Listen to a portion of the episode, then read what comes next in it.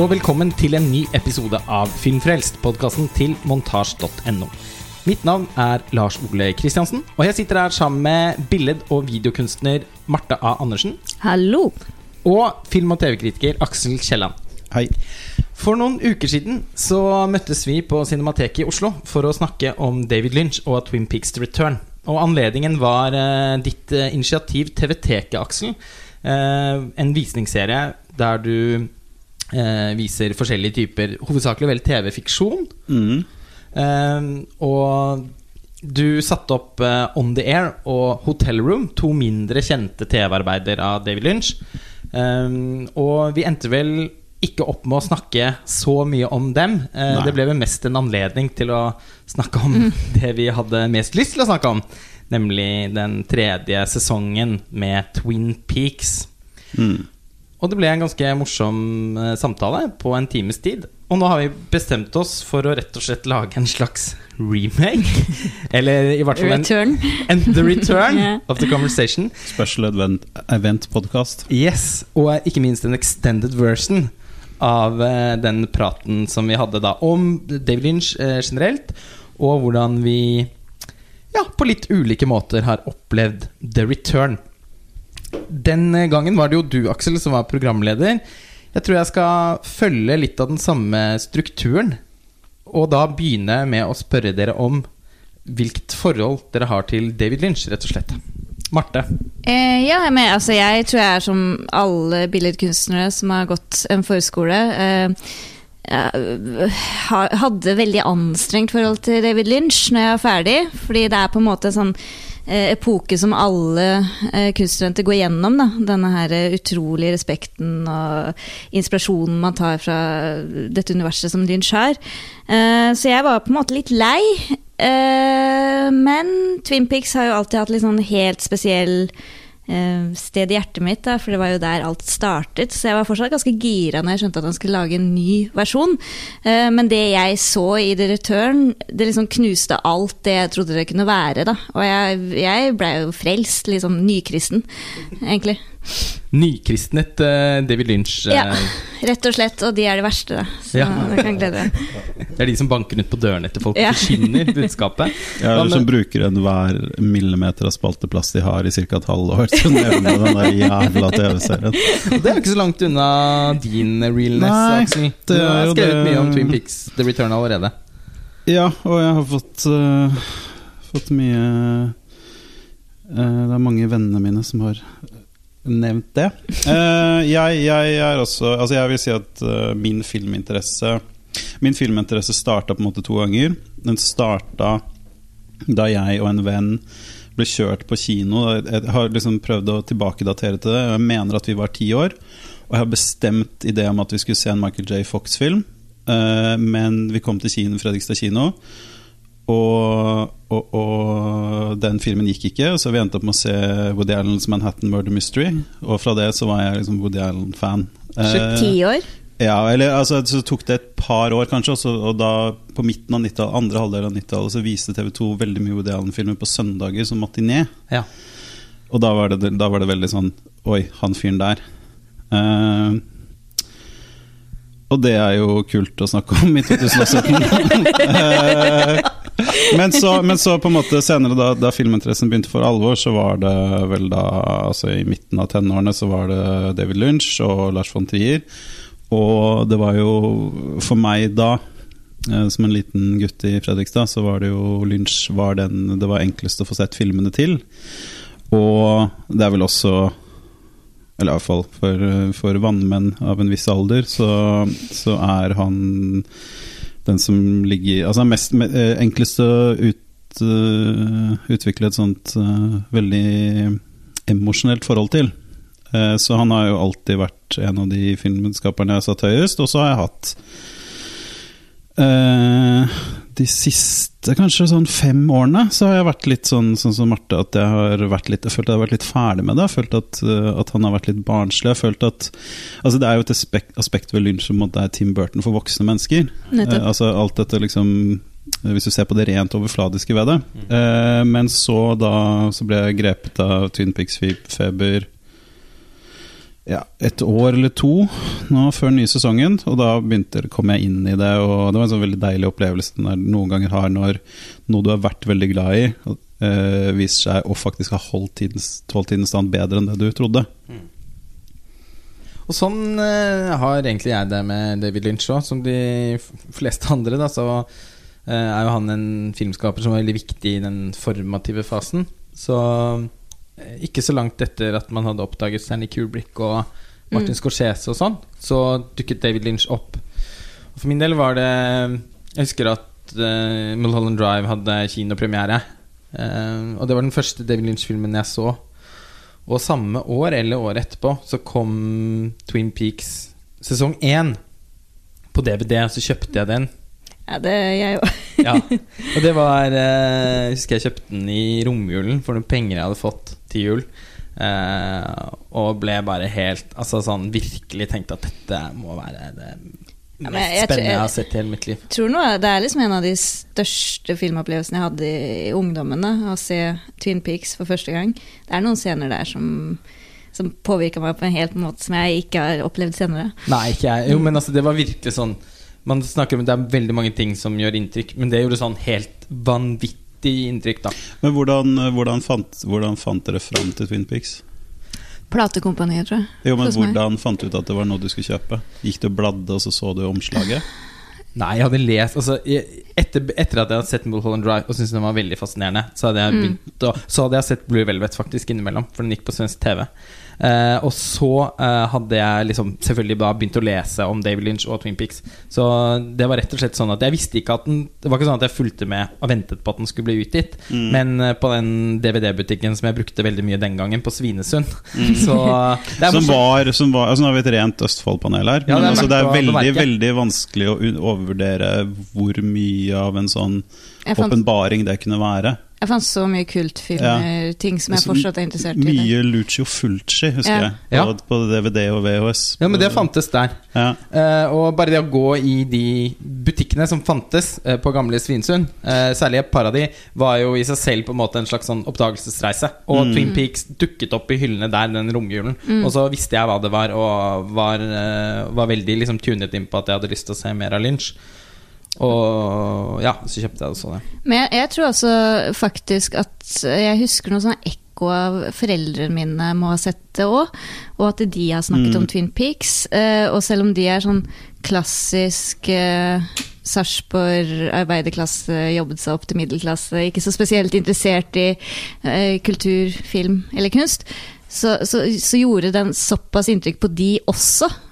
Og når de snakka om det, så tenkte jeg at da må det jo være altså, Jo, men det er Twin Peaks. Det er også sånn, Jeg husker sånn norsklærer fra ungdomsskolen Ja. og videregående. og sånn, og sånn, Det gjorde så stort inntrykk, da. Jeg husker på- Twin Peaks. Oh. Ja. For jeg husker jeg var klar over det, og det kan jeg ikke datere. Altså, jeg kan ikke huske liksom, når jeg først uh, oppdaga det, men jeg, jeg vet at jeg brukte veldig mye tid på siste året, tror jeg, på, på ungdomsskolen og første og så og på videregående på å lese to bøker på Fredrikstad bibliotek.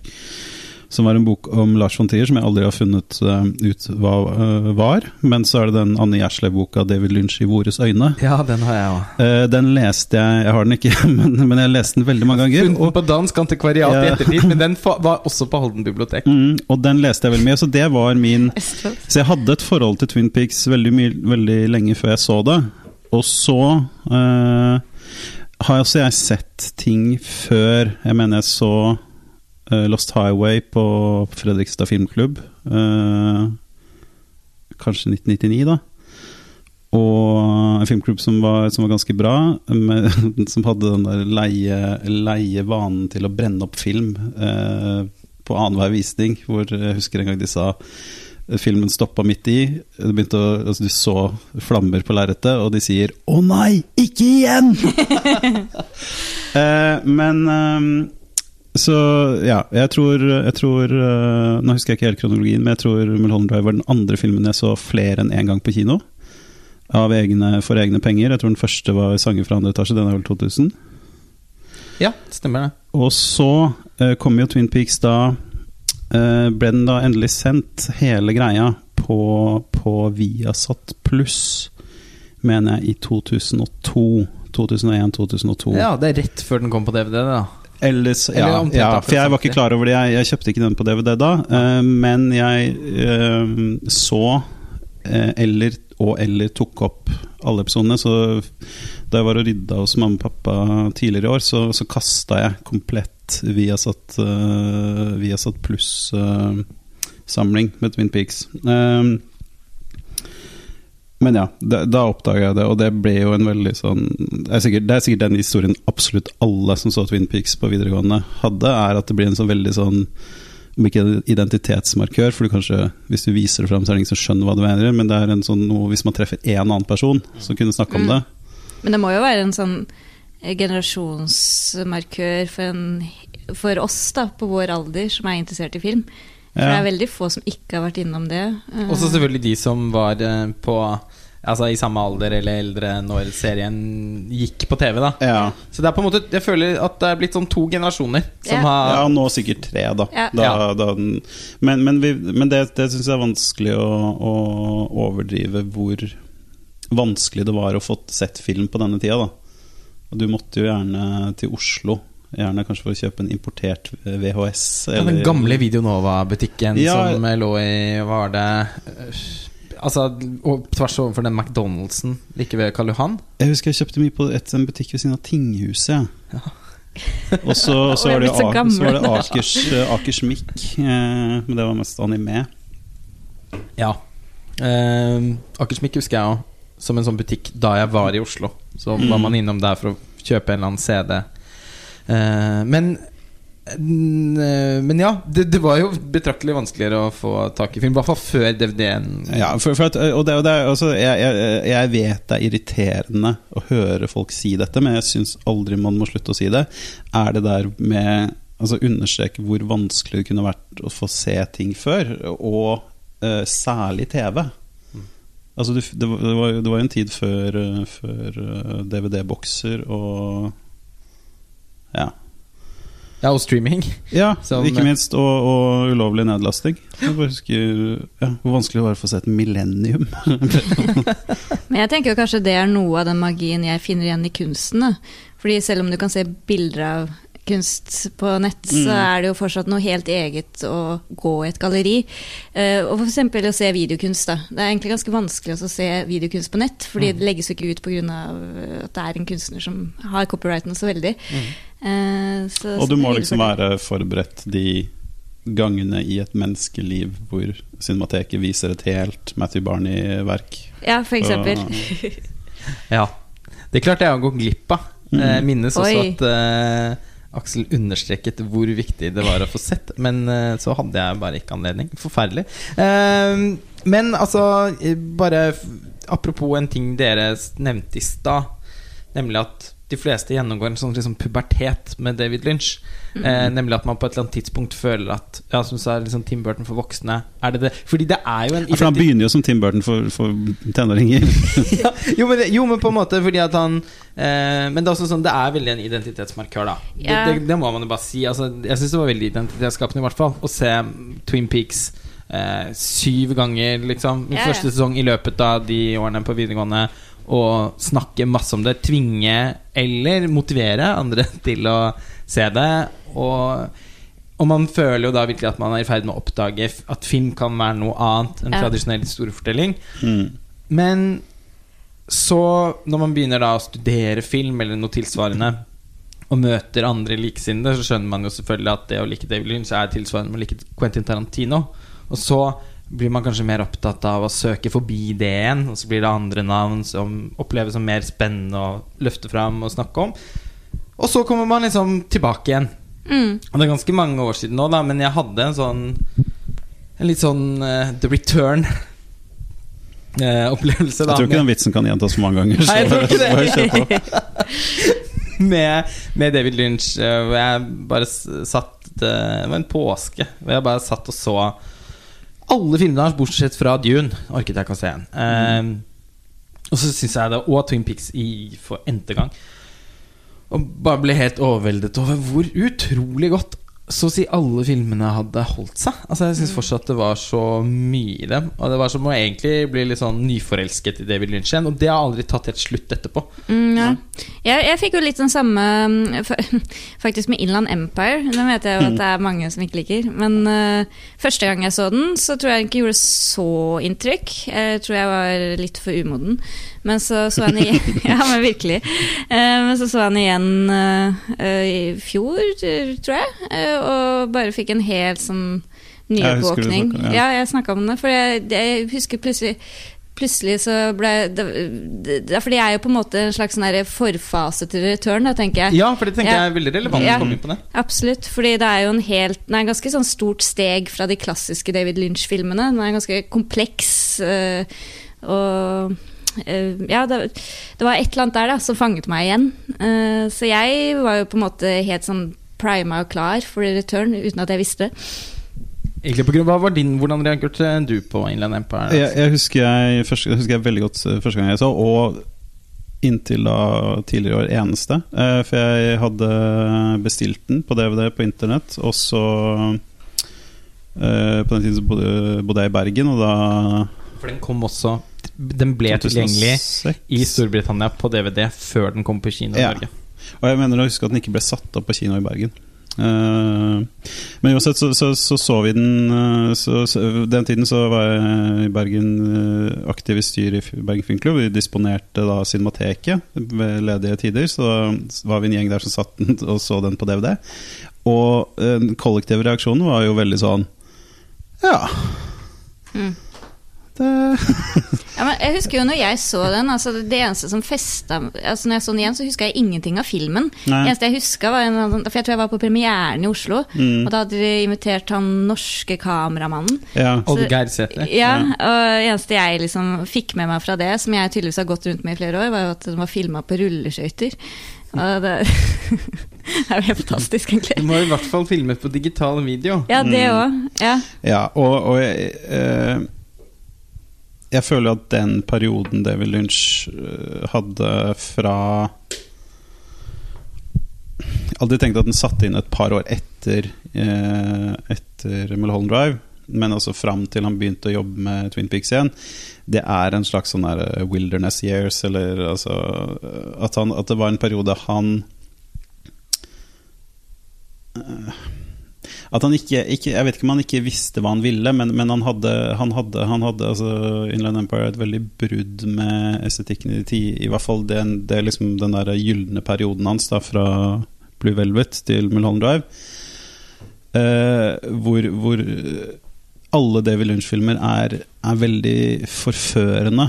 Mm. Eh, altså alt fra liksom håndverk til liksom hvordan han skildrer sex og vold, og hvor, altså klærne han har, hvor vakre skuespillerne hans er, hvor stilig alt sammen er. Altså det er jo et veldig sånn brudd med, med alt behag, da. Og så, og, så, og, så, og så ble det i hvert fall min oppfatning Det ble veldig forsterka av dette om at han gikk veldig fram og tilbake på disse veldig sterke meningene sine om eh, skyte på film versus ikke skyte på film. ja, Eh, vise noe altså, som noen kan se på noe annet enn kino. Nå er han jo en svoren tilhenger av, av TV, The New Art House. Um, og så er, er det jo um, Da tidligere nevnte Anne Gjerslev var og holdt foredrag her på Filmfaglig seminar for noen år siden, så viste hun annet den der, er det Chanel-reklamen hans. Den der veldig lange Den der Lady Blue Shanghai Ja, den har jeg sett, i hvert fall. filmen. Jeg husker ikke hva, det er Nei, reklame for. Men, men, men det er en sånn uh, Han hadde en periode hvor han uh, Han jobba veldig med videoteknikk, og det, det var en slags øh, på mange måter en anti, antitese til mye av det han har stått for som filmskaper. Altså en sånn uh, litt sånn taktil, nærmest. Mm. sånn- ikke, ikke helt sånn Michael Mann, men en sånn uh, Bildene så helt annerledes ut, og filmene uh, Altså Inland Empire er jo fragmentert til en sånn grad at jeg fortsatt ikke har noen sånn idé om hva det handler om. Mm. Uh, og jeg syns fortsatt ikke det er en behagelig eller interessant nok opplevelse til at det er en film jeg ser veldig mange ganger. På en måte som jeg kan med de andre Nei. filmene hans. Uh, og så har jeg jo sett eh, Jeg vet ikke om dere har sett den, men denne dokumentarfilmen fra Jeg husker ikke når den er frem, det er vel midten av 00-tallet. David, uh, Little David Learns to Fly, eller David Learns to Fly. Den uh, sånn kritiske filmen om uh, hans engasjement i denne transcendentale meditasjonsbevegelsen. Ja, det er jo det òg som plutselig kom, uh, oppi alt det der òg. Når han ble liksom mer og mer fanatisk Han er jo internasjonal frontfigur, han òg. Ja, Uh, så ikke hadde det vært for at Russell Brown er høyere enn han. Så Jeg kommer aldri til å glemme da jeg sto nesten lengst fram i køen på Litteraturhuset ja, for det er det husker jeg jo. for å Ja. se David Lynch der. mm. Eh, og det var en kjempebra seanse. Eh, viste det seg eh, mye bedre enn jeg hadde trodd at den kom til å bli på forhånd. Mm. Men Da da var i det 2000 og når, ti eller noe sånt nå? vel? Jeg mener jeg hadde flytta til Oslo, så la oss si 11, da. 11 12. Ja, kan hende jeg var elleve. Altså, men da var det i hvert fall ganske mange sånne transcendentale meditasjonsfolk Mm. også som var der. Mm. Jeg husker en dame i sånn ja, slutten av 50, begynnelsen av 60-årene sier Åh, jeg bare må si at jeg syns det er så fantastisk å se at det er så mange menn her. Det, det var den perioden hvor jeg, hvor jeg hadde Hvorpå jeg da var nødt til å forklare henne at jeg tror det er på en måte to køer her. Hun hadde, det hadde, hun hadde knapt nok fått med seg At han faktisk var han laget film også. ja, At han også har lagd noe, noe film, ja. Nei, for jeg, det var den perioden hvor jeg eh, Hvor liksom eh, jeg var eh, kommet over lunsj, da. Mm. Så jeg husker jeg, jeg gadd ikke å prøve engang å gå på det. Men jeg husker jeg spiste frokost. Jeg hadde sammen med en venninne En venninne av en venninne spiste frokost med henne som var sånn lunsjfan på sin hals, og som hadde meldt seg inn i dette meditasjonsfellesskapet for å kunne ha for den private seansen på Filmens hus for å overrekke David Lynch et uh, teppe hun hadde hekla, eller noe sånt. Så mm, Øh, han har jo aldri, liksom aldri slutta å inspirere. Det ble litt mye, ja. ja, Catching det- the Big Fish'-perioden. Ja, øh, fordi det er et eller annet med David Lynch, da. Som, hvis du er kunstner òg, som Fordi kunsten hans er jo veldig vanskelig, vil jeg påstå. Maleriene hans og, og altså, Hvis du snakker liksom forskoleestetikk, da, så sklir det jo fort inn der. Eh, så det var liksom et eller annet der òg som gjorde at jeg liksom sklei bort fra estetikken. Men, Men, men det er et viktig punkt, da, fordi nå, så, men nå gjør jo ikke det noen ting etter Nei, return. men, men, men, men, men det, det er vel Forskoleestetikk, det kommer jeg til å huske. Det var veldig bra begrep. Det er veldig viktig det der med mm, Du finner vel knapt noen nålevende filmskaper hvis mediepersona er så integrert i verket.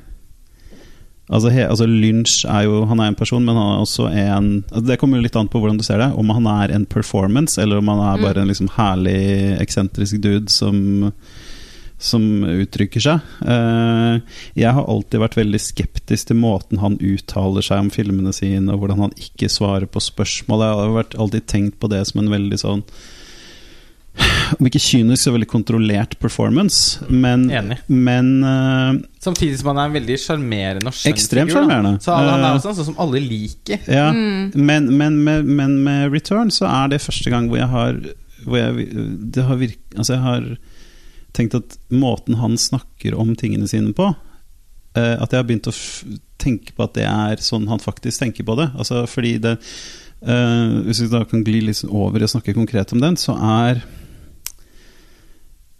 Den er på en måte så fragmentarisk og usammenhengende at den virker nærmest som altså satt sammen bare av bilder og litt sånn assosiative overganger. Eh, det er, vi snakka om det i stad, at det er på en måte Det er som å gå gjennom en utstilling full av installasjoner og liksom eh, repeterende performancer. Og så liksom fyller du ut sammenhengen din selv, da. Ja, for jeg føler liksom at etter return så, så, jeg, så føler jeg at alle gir litt mer mening. Kunsten hans, hvem han er. Eh, al- al- nå er jeg blitt nykristen, da, så det kan være derfor.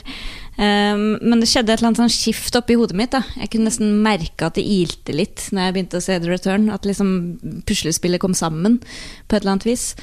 Eh, Men jeg er helt enig med deg med performancen og sånne ting. Jeg, jeg satt jo og koste meg med denne essayen til David Foster Wallace. Jeg vet ikke om du har lest den? Hvor han Nei. eh, Den er helt fantastisk. Hvor han får lov til å være på sånn flue på veggen under hvem er det, Lost Highway, når David Lynch lager Lost Highway. Og han skal skrive for Verity, tror jeg, en eh, reportasje derfra. Og det eneste han henger seg opp i, er liksom ikke så mye filmen, men David Lynch som person. Du ser liksom Du kan nesten høre at David Foster Wallace, som er en ganske sær personlighet fra før av, sitter der og klør seg i hodet og bare Hvem er du? Later du som, eller er du sånn? Og hele, all, plutselig blir liksom hele kunstverket David Lynch, da.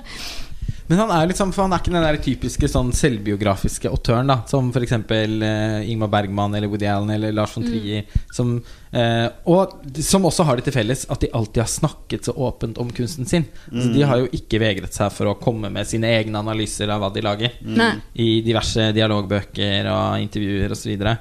Uh, Men så er det jo det også at han er så utrolig uteoretisk. ja, fordi det uh, finnes det, Men, det men det vil jeg også si, altså, han er ikke bare uteoretisk, han er altså antiteoretisk. Da. Ja. Altså, Ja. altså, jeg, jeg Det er en protest i måten han vegrer å snakke om Ja, og den derre Jimmy Stewart, 50-talls amerikanske ordforrådet hans og liksom alt, da. men, men, men, jeg tror det er en sånn Altså, jeg tror Altså, jeg har akseptert eh, at mye av måten han snakker om filmene sine på, det er reelt. Det er sånn han jobber. Det er sånn når han eh, Jeg husker ikke, det er en av disse um, jeg tror det er en sånn behind the scenes-ting fra Inland Empire, hvor han står og forklarer hvor han trenger, og han trenger liksom en enbeint Ja, det er det morsomste jeg 16-åring noensinne har sett. jente fra Så drar han det ut, så er det liksom Kambodsja eller Bhutan eller et eller annet sånt. Skal være en albino, kortvokst med ett bein, og det å være casting ja. Som han hos gjør, David som han gjør på Han fant den, ja.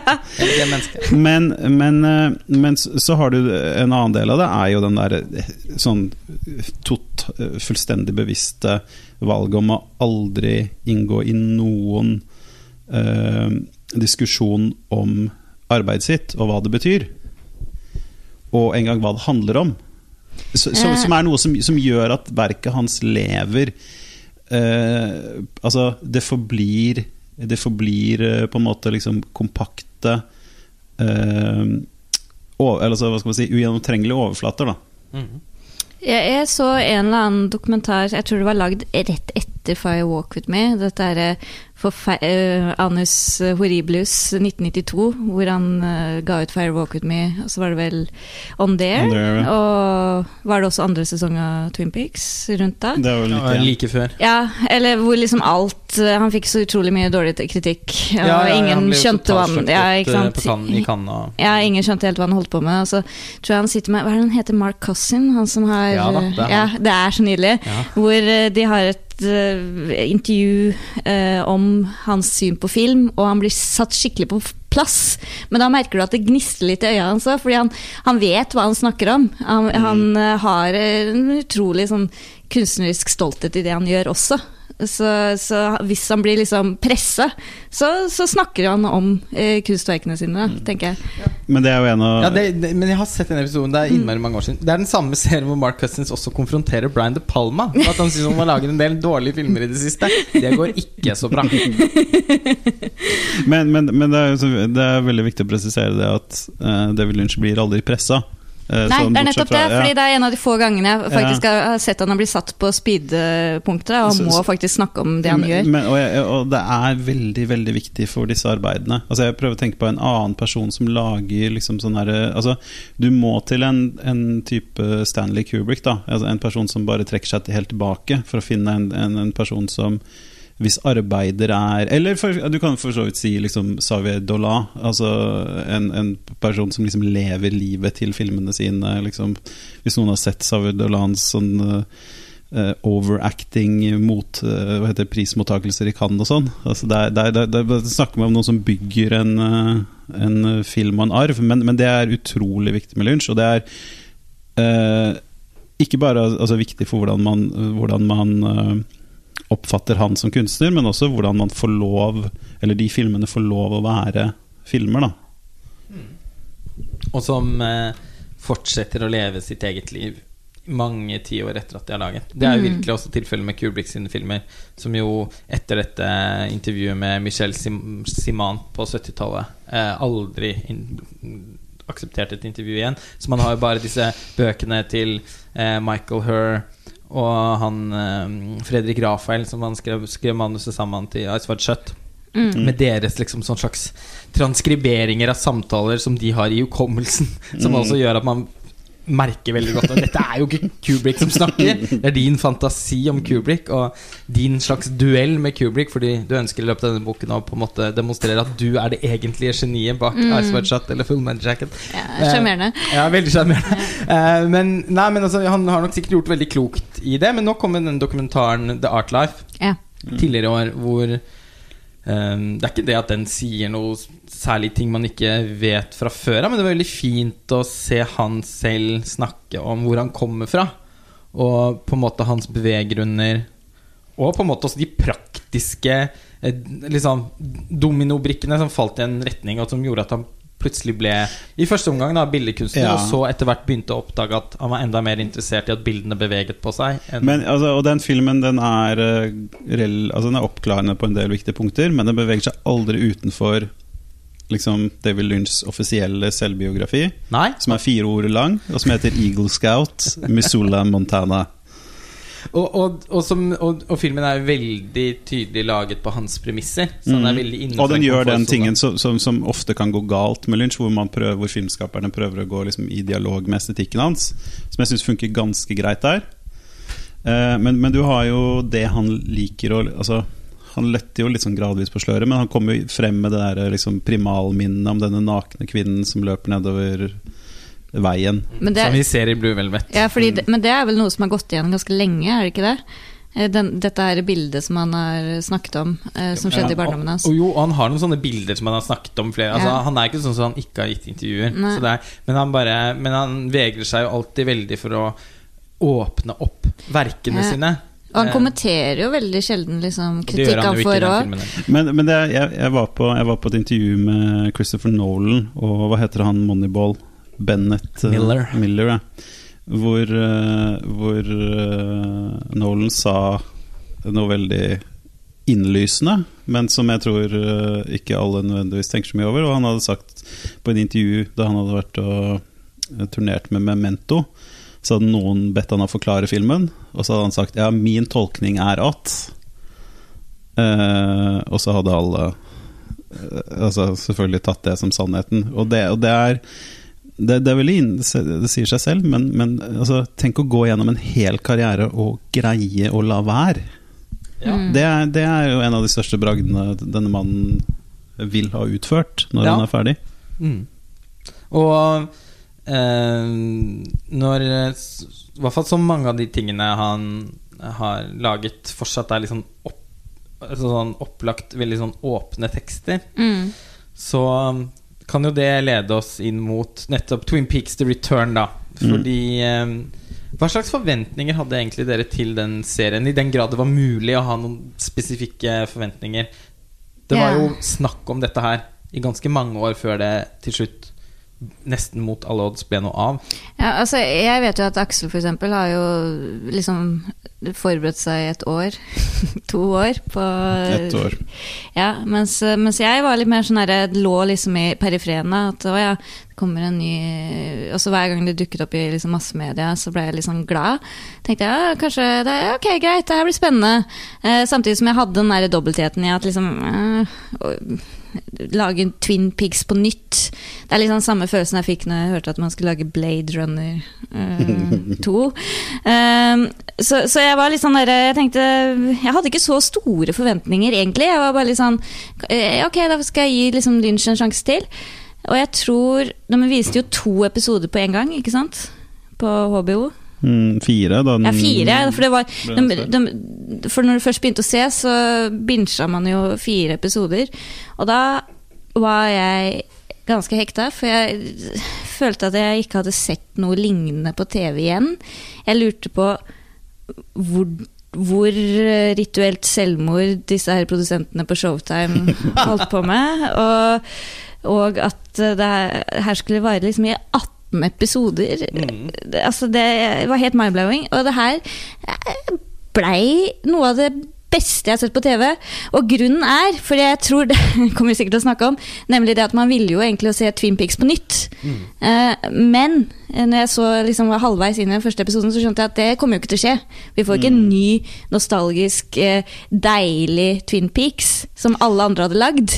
Ja. Men det gjør jo ikke Lynch. Han lager noe helt annet, og det er jo den eneste måten å lage en ny Twin Peaks. For jeg, jeg, var, jeg, var, eh, jeg var veldig liksom Jeg var eh, Hva heter det? Opprømt. Eh, Men jeg var først og fremst bekymra fordi um, På den ene siden så var jeg redd for at det her kom til å bli mer uh, Inland Empire, mer den uh, Chanel Eller hva heter den? Lady Blue Shanghai. med Rabbits. Er det noen av dere som har sett den derre brystkreftreklamen? Nei. Nei. Ja. men men eh, og, på, og på den andre siden, altså diametralt motsatte siden, så var jeg redd for at det kom til å bli en uh, Gi folk det de vil ha. Og så var det ingen av delene. Uh, uh, og jeg også, altså jeg vil Ja, det no, Altså noe av det beste jeg, jeg er veldig sånn klar for i hvert fall dette året å si at det er det beste jeg har sett på TV. Eh, så kan vi nyansere det i fremtiden. Men eh,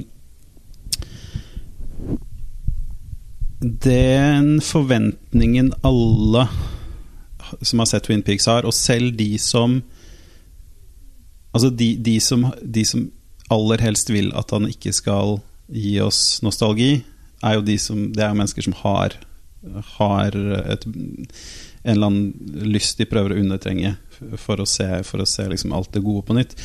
Men måten de bruker den, den faktoren, altså bruker det at her har vi noe publikum har lyst til å se noe gjenskapt. Og, og jeg må tenke på at Twin Peaks det er jo Jeg kommer ikke på et TV-program som har en mer hengiven fanskare. I hvert fall ikke et 25 år gammelt TV-program. Eh, så denne, altså måten den, dette potensielle innfrielsen av en eller annen sånn herre voldsomt inn, eh, emosjonelt behov størstedelen av publikummet har, eh, den henger jo over hele serien og spiller en veldig viktig rolle. Og er veldig, altså, veldig betegnende for hvordan hele dette prosjektet fungerer. Fordi det er veldig Hvis du begynner å analysere det, så er det veldig, veldig, veldig merkelig. Eh, eh, både i den forstand at altså, hvordan det opererer, men hvordan Altså, eh, ikke, ikke, ikke, bare har, ikke bare har Twin Peaks uh, liksom selve fenomenet verdens mest hengivne fanbase. Altså, Twin Peaks The Return har jo også noe av de, altså det beste TV-publikummet, hvis du tenker på sånn opp, mest oppmerksomme, tålmodige Ja, tålmodig. uh, eh, Hva heter det? Uh, bloggete eh, publikum som fins. Altså bare, bare, jeg brukte jo I sommer da- da det gikk, så så jeg vel Jeg så vel omtrent hver episode tre ganger, samme uke som de kom. Og på det meste tror jeg jeg hørte tre podkaster i uka. Shit, det er imponerende. Og, ja, nei, eller, eller Oi, du er uh, godt og vel inn i 30-åra, du har ikke mer å gjøre med tida di. Uh, men det er veldig få Det er veldig få ting som som er i nærheten av å, av å belønne en sånn fanatisk dedikasjon, da. Uh, og Men hadde du forventa å bli så hekta? Nei. Og jeg, jeg husker jeg hadde en samtale med liksom min eneste venn på videregående som var, hadde noe interesse for dette her. Uh, og da spurte jeg henne om hun trodde Twin Peaks kom til å være Altså hvis vi da tok for gitt liksom den, den klassiske Hvis vi tok utgangspunkt i den klassiske ideen om at uh, uh, de to første sesongene var en slags Altså det er en Om ikke en, kaller det pastisje eller noe, men det tar veldig utgangspunkt i eh, i TV fra tidlig 90-tall, altså såpe og krim. Og så gjør det ting med det. Og da spurte jeg henne om liksom, kommer dette til å være Hvilke sjangere kommer han til å ta utgangspunkt i nå? Og da så hun bare dumt meg og tenkte Er det det du tror Twin Peaks er? For hun var veldig overbevist om at det kom til å være det samme. Så jeg var veldig usikker. Eh, men jeg, jeg husker jeg så Jeg så de tre første episoden, tre første episodene da de fire første ble lagt ut.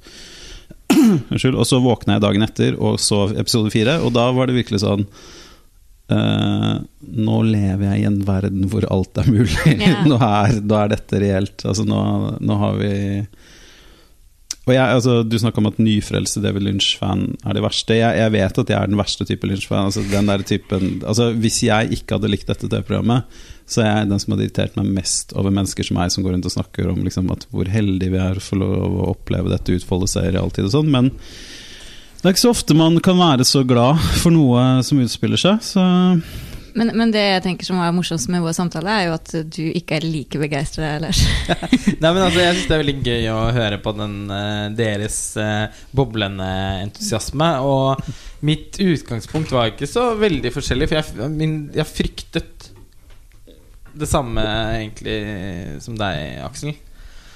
At det enten skulle være for mye eh, Inland Empire Nå er jeg veldig begeistret for Inland Empire, da, bare så det er sagt. Men jeg var litt redd for at Jeg ville ikke nødvendigvis ha Det var også litt sånn godt, godt, men mett med Inland Empire. Altså, Jeg tenkte ikke noe mer av det. Eh, og på den andre siden så var jeg redd for at det skulle bli en slags sånn nostalgifest. Og det ble litt sånn uh, Det var en Det var noe med Showtime sin begeistring utad. Eh, de alle, altså, det var så mange sånn presseuttalelser og sånn fra, fra produsenter og sånn der som sa bare Altså, dette er bare Det er som å komme tilbake. Det er Pure heroin Ja. version. Ja, og det, det ble jeg litt bekymret av. For hvis de er så begeistret for dette, så kan det vel umulig være Men Hvor begeistra kan de ha vært? når Jeg husker, jeg husker at jeg, jeg, må jeg ha vært løgn! ja. Ja, eller, eller en uh, nervøsitet. Eh, For jeg husker, jeg, husker jeg, jeg hørte Det var det de kaller i USA the upfronts. Eh, hvor eh, hvor eh, disse Showtime-eksekutivene skulle uttrykke sin entusiasme. Og det de hadde å gå på, var Uh, vi, vi har ikke sett noe råfoto. Vi vet ikke hvor mange episoder det er. og vi, vet, vi vet veldig grovt sett hva det handler om. Dette her blir kjempebra. Ja, men også at han har fått på en måte fullstendig kunstnerisk frihet, er det jo ikke noe tvil om. Men så er det jo to serieskapere. Det er David Lynch Mm. og det er Mark Frost, og det må vi komme litt tilbake Mm, til. Eh, for jeg tror at veldig mange av mine problemer med serien handler om Mark Frost og ikke David Lynch. Mm. Eh, men eh, som sagt, det kan vi komme tilbake til. Men skal vi ta noe helt sånn grunnleggende ting før vi begynner? Ja. det, altså, det er en 18 timer Eller eh, ser 18 episoder, ca. en time lange episoder. De starter uh, i, i hvert fall i serien 25 år etter uh, den- sesong 2. Uh, 26 i den virkelige verden. Eh, er det noen som har lyst til å fortelle hva det handler om? Ja, hva handler det om? Jeg tør ikke å prøve. Nei, altså eh, Jeg tenker jo eh, Det største Største forskjellen er jo at det er så mange forskjellige eh, historielinjer. Det var det jo for så vidt i den originale òg, men er- Men på en litt mer tradisjonell måte. Altså, Ja, fordi- Fordi nå foregår jo de forskjellige historielinjene også på forskjellige steder i USA. Mm. Eh, så fra å være en småbydrama eh, har det blitt på en måte en landsdekkende americana-serie. Eh, og du har da én linje i South Dakota. Eh, har du lyst til å utbrodere den, Aksel? Buckhorn? Ja. Eh, nei, men jeg, jeg, jeg synes altså, det er vel hva heter det, Buckhorn, nå husker jeg ikke om det er North eller South. Det er South. ja South. Og så er det New York, og så er det Las, Los Vegas. Ja, Las Vegas. Ja. Le- Las Vegas. Og og Twin Peaks. jo-. Ja, altså Twin Peaks, og så er det jo denne, liksom disse bilturene til uh, Ja. dobbeltgjengeren. Eh, hvis vi tar det helt grunnleggende, så er det jo Det starter 25 år etter den opprinnelige serien ble avslutta. Det siste vi ser i sesong, siste episode av sesong to, er jo at Cooper eh, har blitt erstatta av sin dobbeltgjenger fra Skal vi også klar, klarere Det er mye å ta tak i her, men denne Red Room versus Black Lodge-terminologien, det har du sterke meninger om. Det er veldig sterke meninger om, men det kan vi vente med. Ok, men eh, Cooper er da stengt inne på på hva skal man si, et annet eh, plan av virkeligheten, og i hans sted så løper det da rundt en sånn Evil Coop. eh, amoralsk, eh, morderisk gærning. Og så følger da eh, serie og det, og det har han da gjort i 25 år, når serien begynner. Og Eh, ja, og det er også mye som har skjedd. Eh, Nydelig. jeg kunne egentlig sagt det, det er mye som har skjedd. Eh, Men, men kan vi bare eh, kvikt nevne det med at det begynner 25 år etterpå? Mm. det- Altså det, det føler jeg er så magisk. mm, At eh, det, det føles ut som du ser David Lynch og Mark Frost som, som svarte trollmenn, som har bura inn ja, for- skuespillerne sine og Måten venta de på. bruker tid. Ja, det er nettopp det. Det er Tid det som som er så fascinerende. Det jeg Mm. syns er helt mind-blowing. Eh, For det første at starter 25 år etterpå, etter at de sier det. Det, det er så Er det noe lignende i TV? Det var jo denne uh, re... Eller hva skal man si Den nye sesongen av Coach. Ja, det, nei, men hva heter det? Fuller House er vel det nærmeste vi kommer. ja, ja. Mm. Ikke sant. Men jeg bare det, det er bare det her med tid, at det begynner 25 år etterpå. Jeg syns det er så magisk at de har fått Mm. til det. Eller at det virker som de Men har sett som i jo Som også ligger som en litt sånn uforklarlig profeti i, Ja. i, i eh, Nå husker jeg ikke, det er vel Fire Walk With Me? Ja. Mm. Eller, ja. Eh, nei, men det er uh, Altså, jeg, jeg tenker på det offisielle Twin Peaks Hvis du tenker tekst i utvida forstand, det offisielle tekstkorpuset, så inkluderer det Jeg tror for øvrig det er den siste episoden hvor hun sier ja, ok, ja. Ja. det kan stemme. Så er det Altså, det er uh, den opprinnelige serien, det er Firewalk With Me, så pleier jeg alltid å tenke at eh, dagboka til Laura Palmer, skrevet av Jennifer Lynch, teller. Og så offisielt så teller også da uh, den uh, My Life My Tapes, eller hva den heter, den Cooper-boka, og Access-guiden til Twin Peaks. Samlekortene og Som jeg kjøpte i sommer på eBay. Eh, og, og boka som eh, My Secret History, eller en Nei, den um, det er den Mark Det- Frost-boka det er for den som kom ja, jo, den teller ikke, eller? Jo, Den har jeg ikke lest. Jeg vet at du har lest den. Ja, og jeg har også lest den andre, siste Mark Frost-boka, som jeg vil på sterkeste oppfordre ingen til å lese. Uh, den første er ganske god, og den hjalp veldig med forståelsen på enkelte deler av den nye sesongen. Eh, men det er eh, Ja, det er mye som har skjedd. Men, men det, det viktigste som har skjedd, er jo at på en måte Twin Peaks, som var en veldig sånn det vi, når vi tenker på Twin Peaks, så tenker vi Det kommer litt an på dere, vet jeg. Jeg tenker ofte på de sju første episodene av første sesong.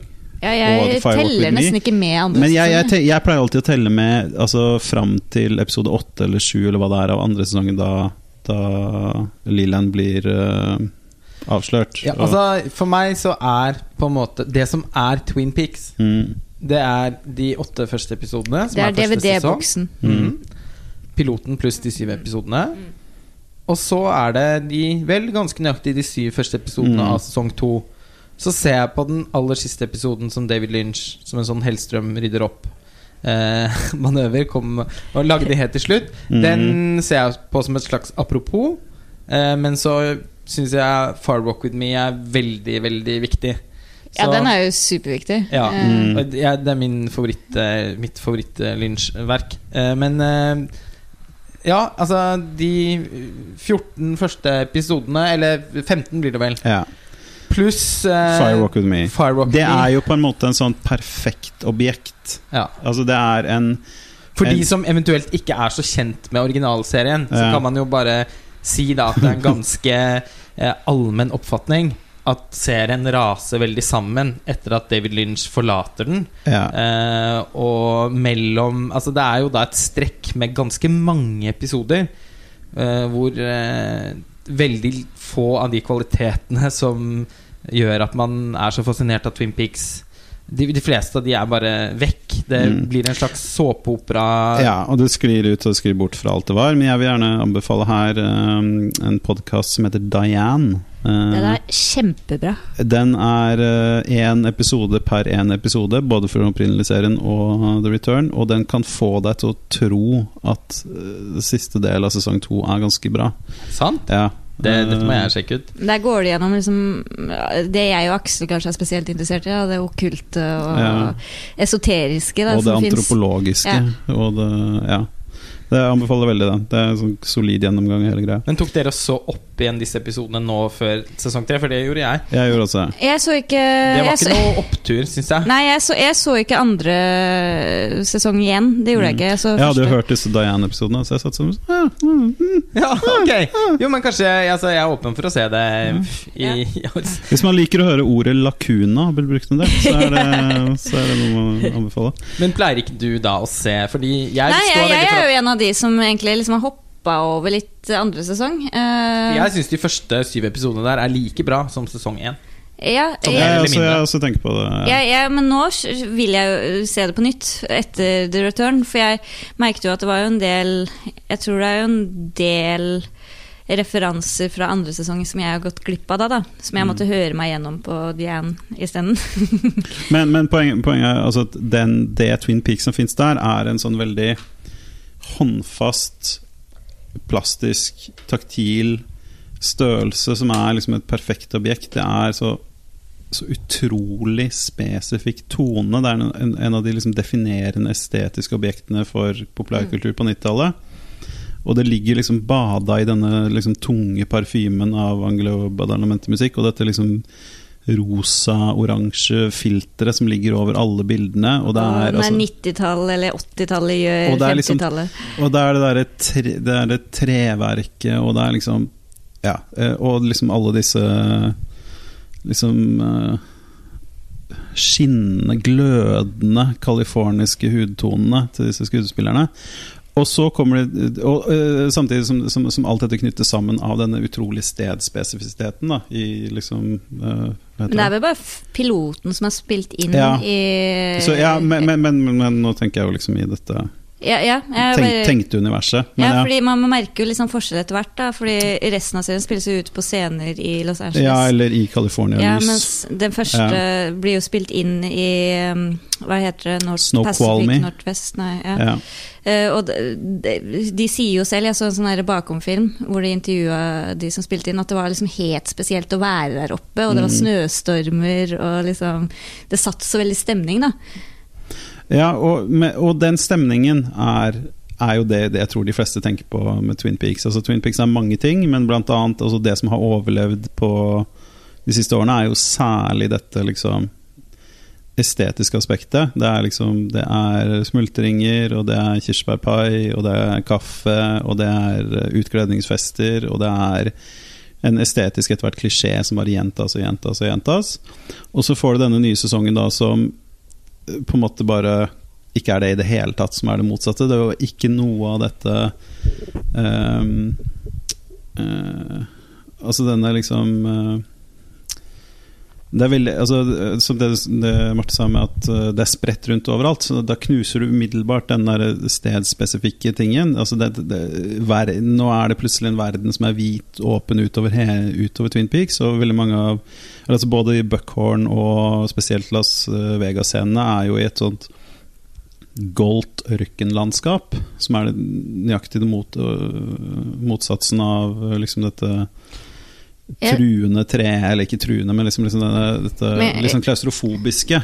Ja, Eh, ja, for jeg, jeg leste jo Jeg er veldig glad i Richard Brody, han som skriver New Yorker. Mm. Eh, han hadde jo en sånn veldig fin eh, tanke rundt at liksom den nye sesongen er mer som en western. Da, hvor du har liksom The Lonesome Cowboy som beveger seg gjennom en sånn der, eh, moralsk ødeland.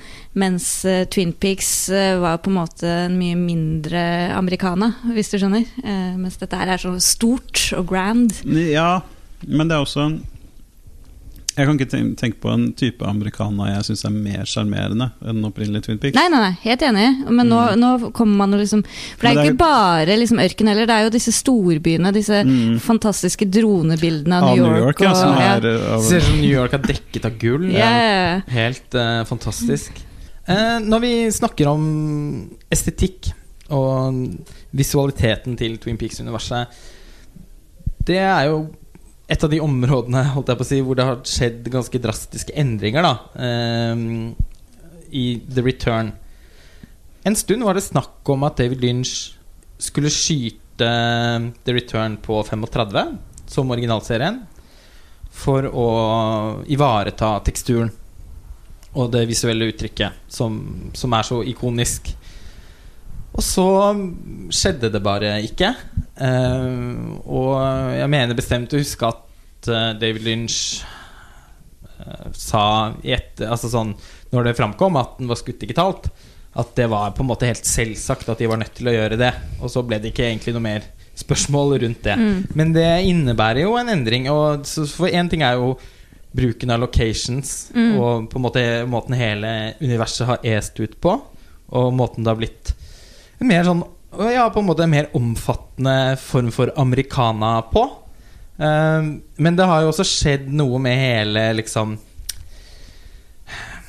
Altså Bildene ser, det er, De ser jo heller ikke ut som Inland Empire, for det er ikke skutt Nei. på sånn ruskete digital Nei, nei, nei. video. Det er god kvalitet på det som er skutt. Ja, men det, ser, det har på en måte mer et uttrykk som minner om andre kontemporære TV-serier. Mm. Mm. Eh, Jeg, jeg tenker jo at det er en måte å unngå nostalgi, nostalgi da.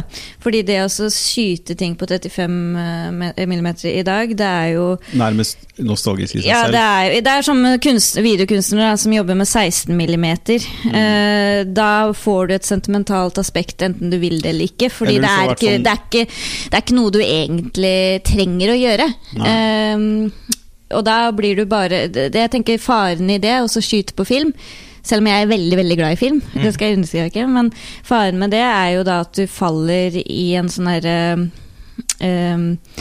At du begynner å runke på mediet, da. Mm.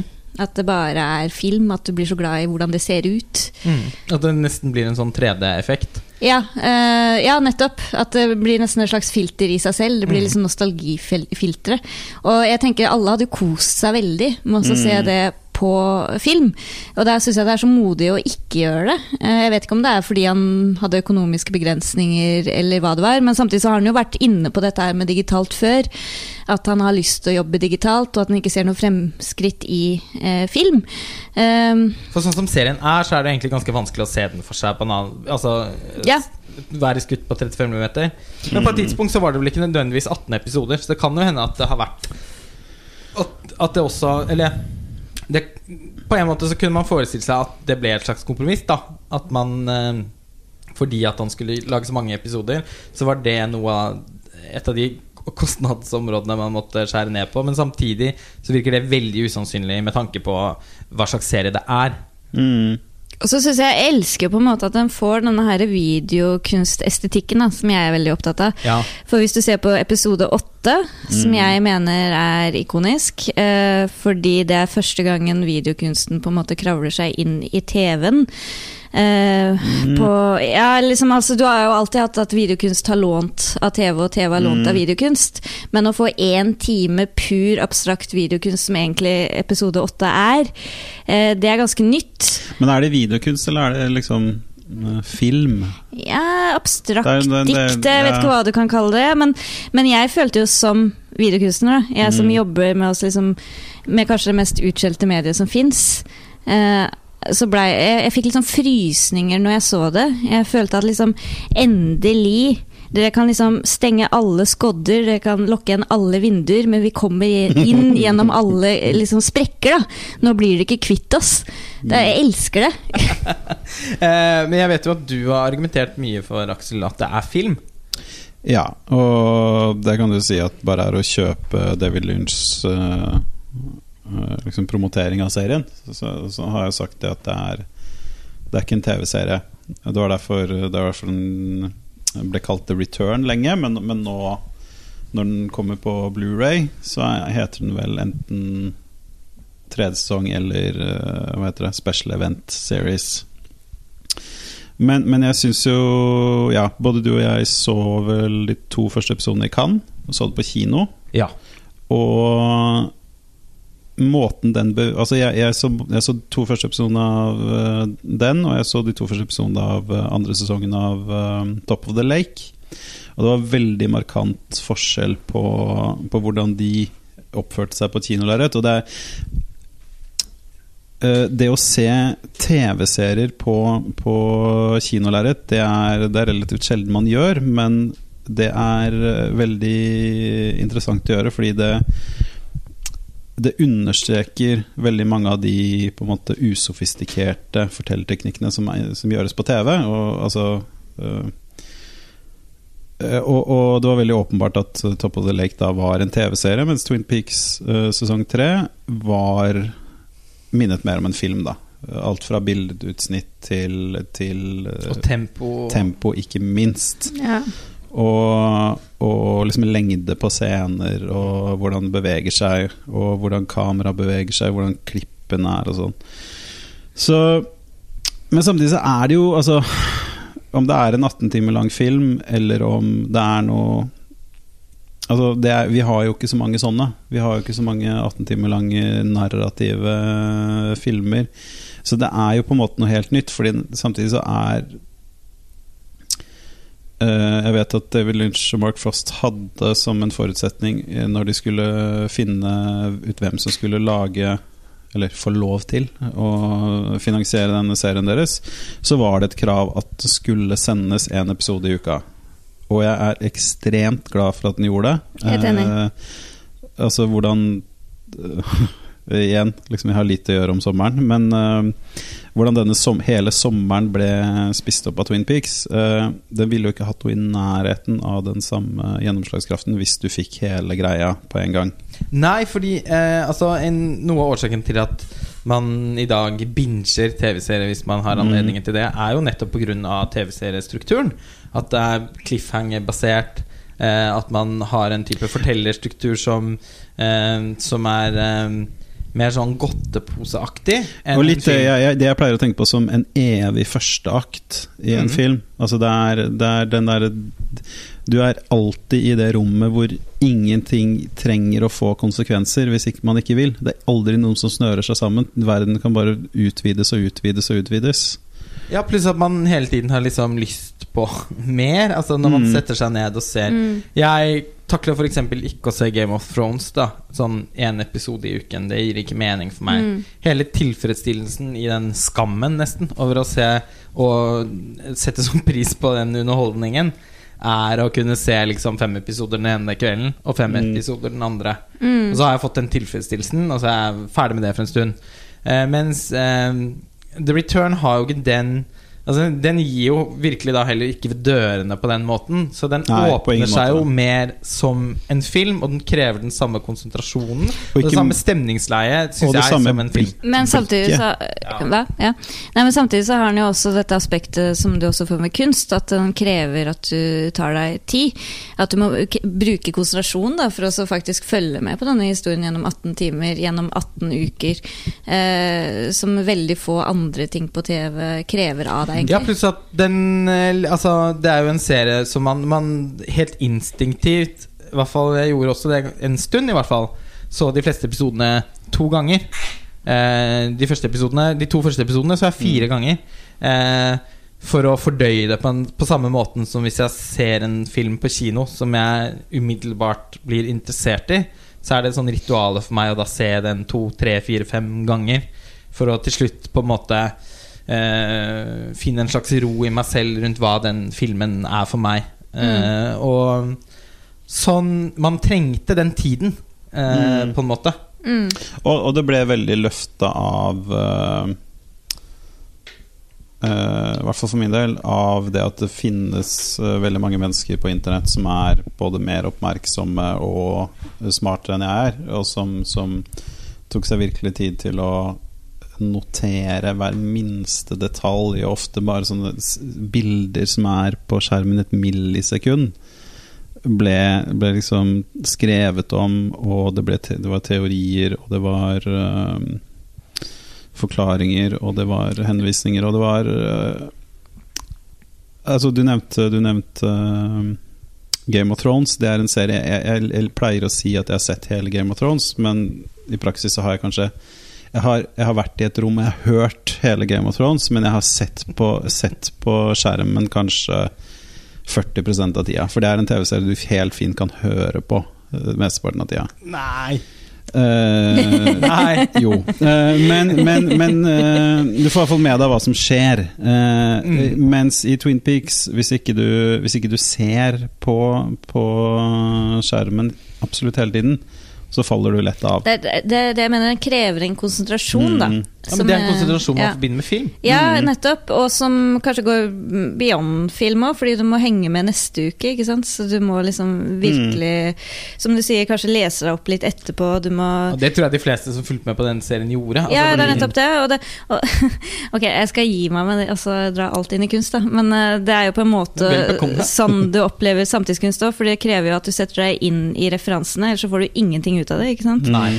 Så, så, for, så for meg så var jo det her en sånn derre Endelig skjer det, liksom. Jo, men det var veldig gøy å følge med på alle Dag Søttholtene som satt rundt omkring i verden. Mm. Og, lag, og tok eh, frysbilder og eh, forsøkte å danne forbindelseslinjer og mønstre som på en måte man kanskje ikke hadde oppdaget eh, før man hadde sett episodene veldig mange ganger, eller vært ekstremt konsentrert. Mm. Eh, men eh, jeg syns jo også da at eh, det er på en måte Det er noe av fascinasjonen med serien, men for meg også en del av frustrasjonen ved den. Jeg må jo si at jeg var helt slått i bakken av de to første episodene. Det var jo den beste mulige måten å se dem på i Cannes, på premieren. He, altså selvfølgelig veldig sånn stemningsfull eh, seanse. Eh, og det føltes virkelig som en ny David Lynch-film å se de to timene. Det var, det var, det var, det, det var en ny David Lynch-film. Og jeg var helt Mm. blown away av hvor mange ideer som var der. Hvor, eh, hvor interessant kontrastene mellom de forskjellige stedene var. Altså hele det universet som på en måte ble bygget opp på nytt. Men på ganske andre premisser enn det man kjente til. Jeg følte at balansen mellom at det fortsatt var Twin Peaks, og det var veldig et autørverk av David Lynch. Samtidig som du også da ikke hadde noe av den her beklemmende nostalgien ved seg i det hele tatt. I den grad Mm. den eh, ga noen sjokoladebiter, Mm. så var det så innmari fortjent. Og mm. jeg kjente det Altså jeg reagerte veldig emosjonelt på det.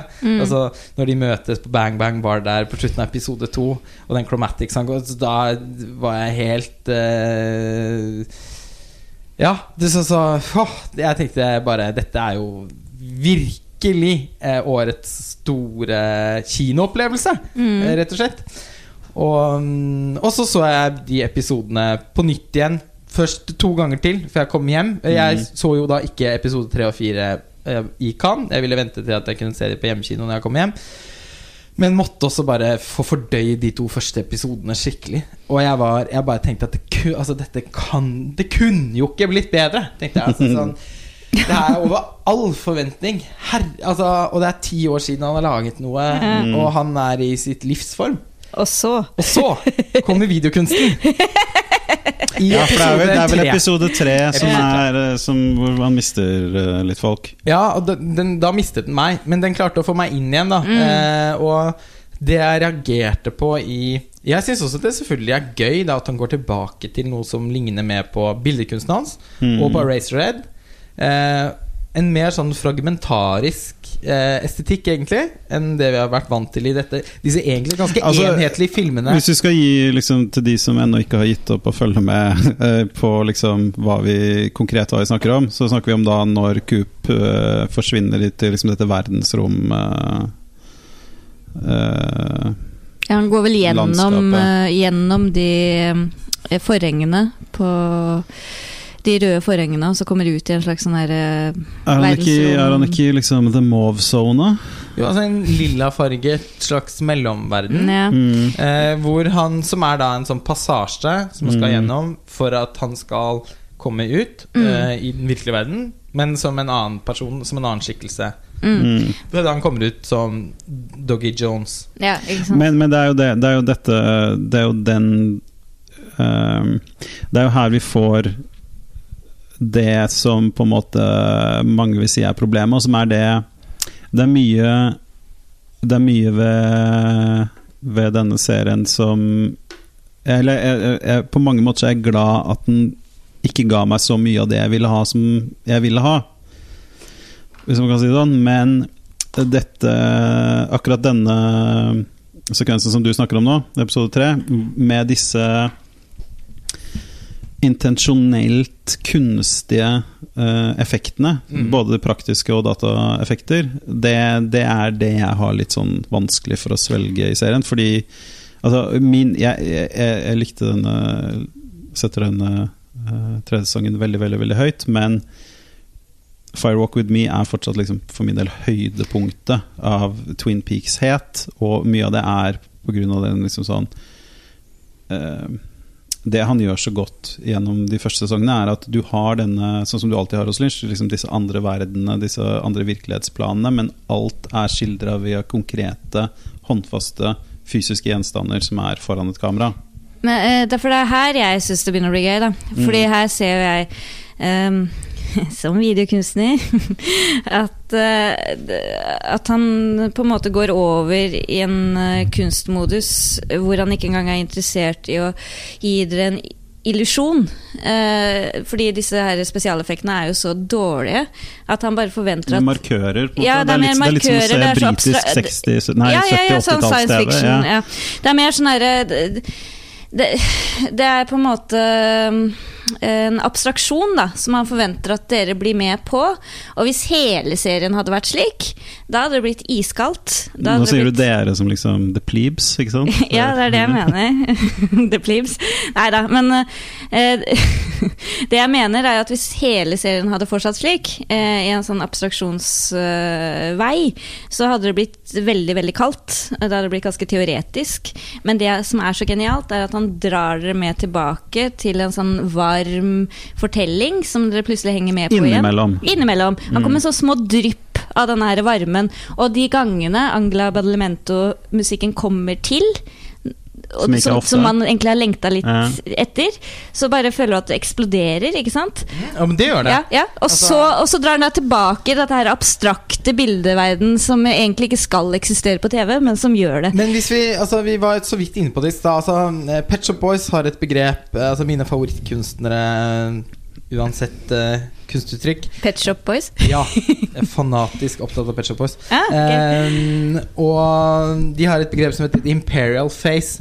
Eh, som de da definerte som en tre-fire album i sin diskografi. Mm. Og som de da på en måte utad bare erklærte at vi kommer aldri dit igjen, og vi Nei. er helt komfortable med det.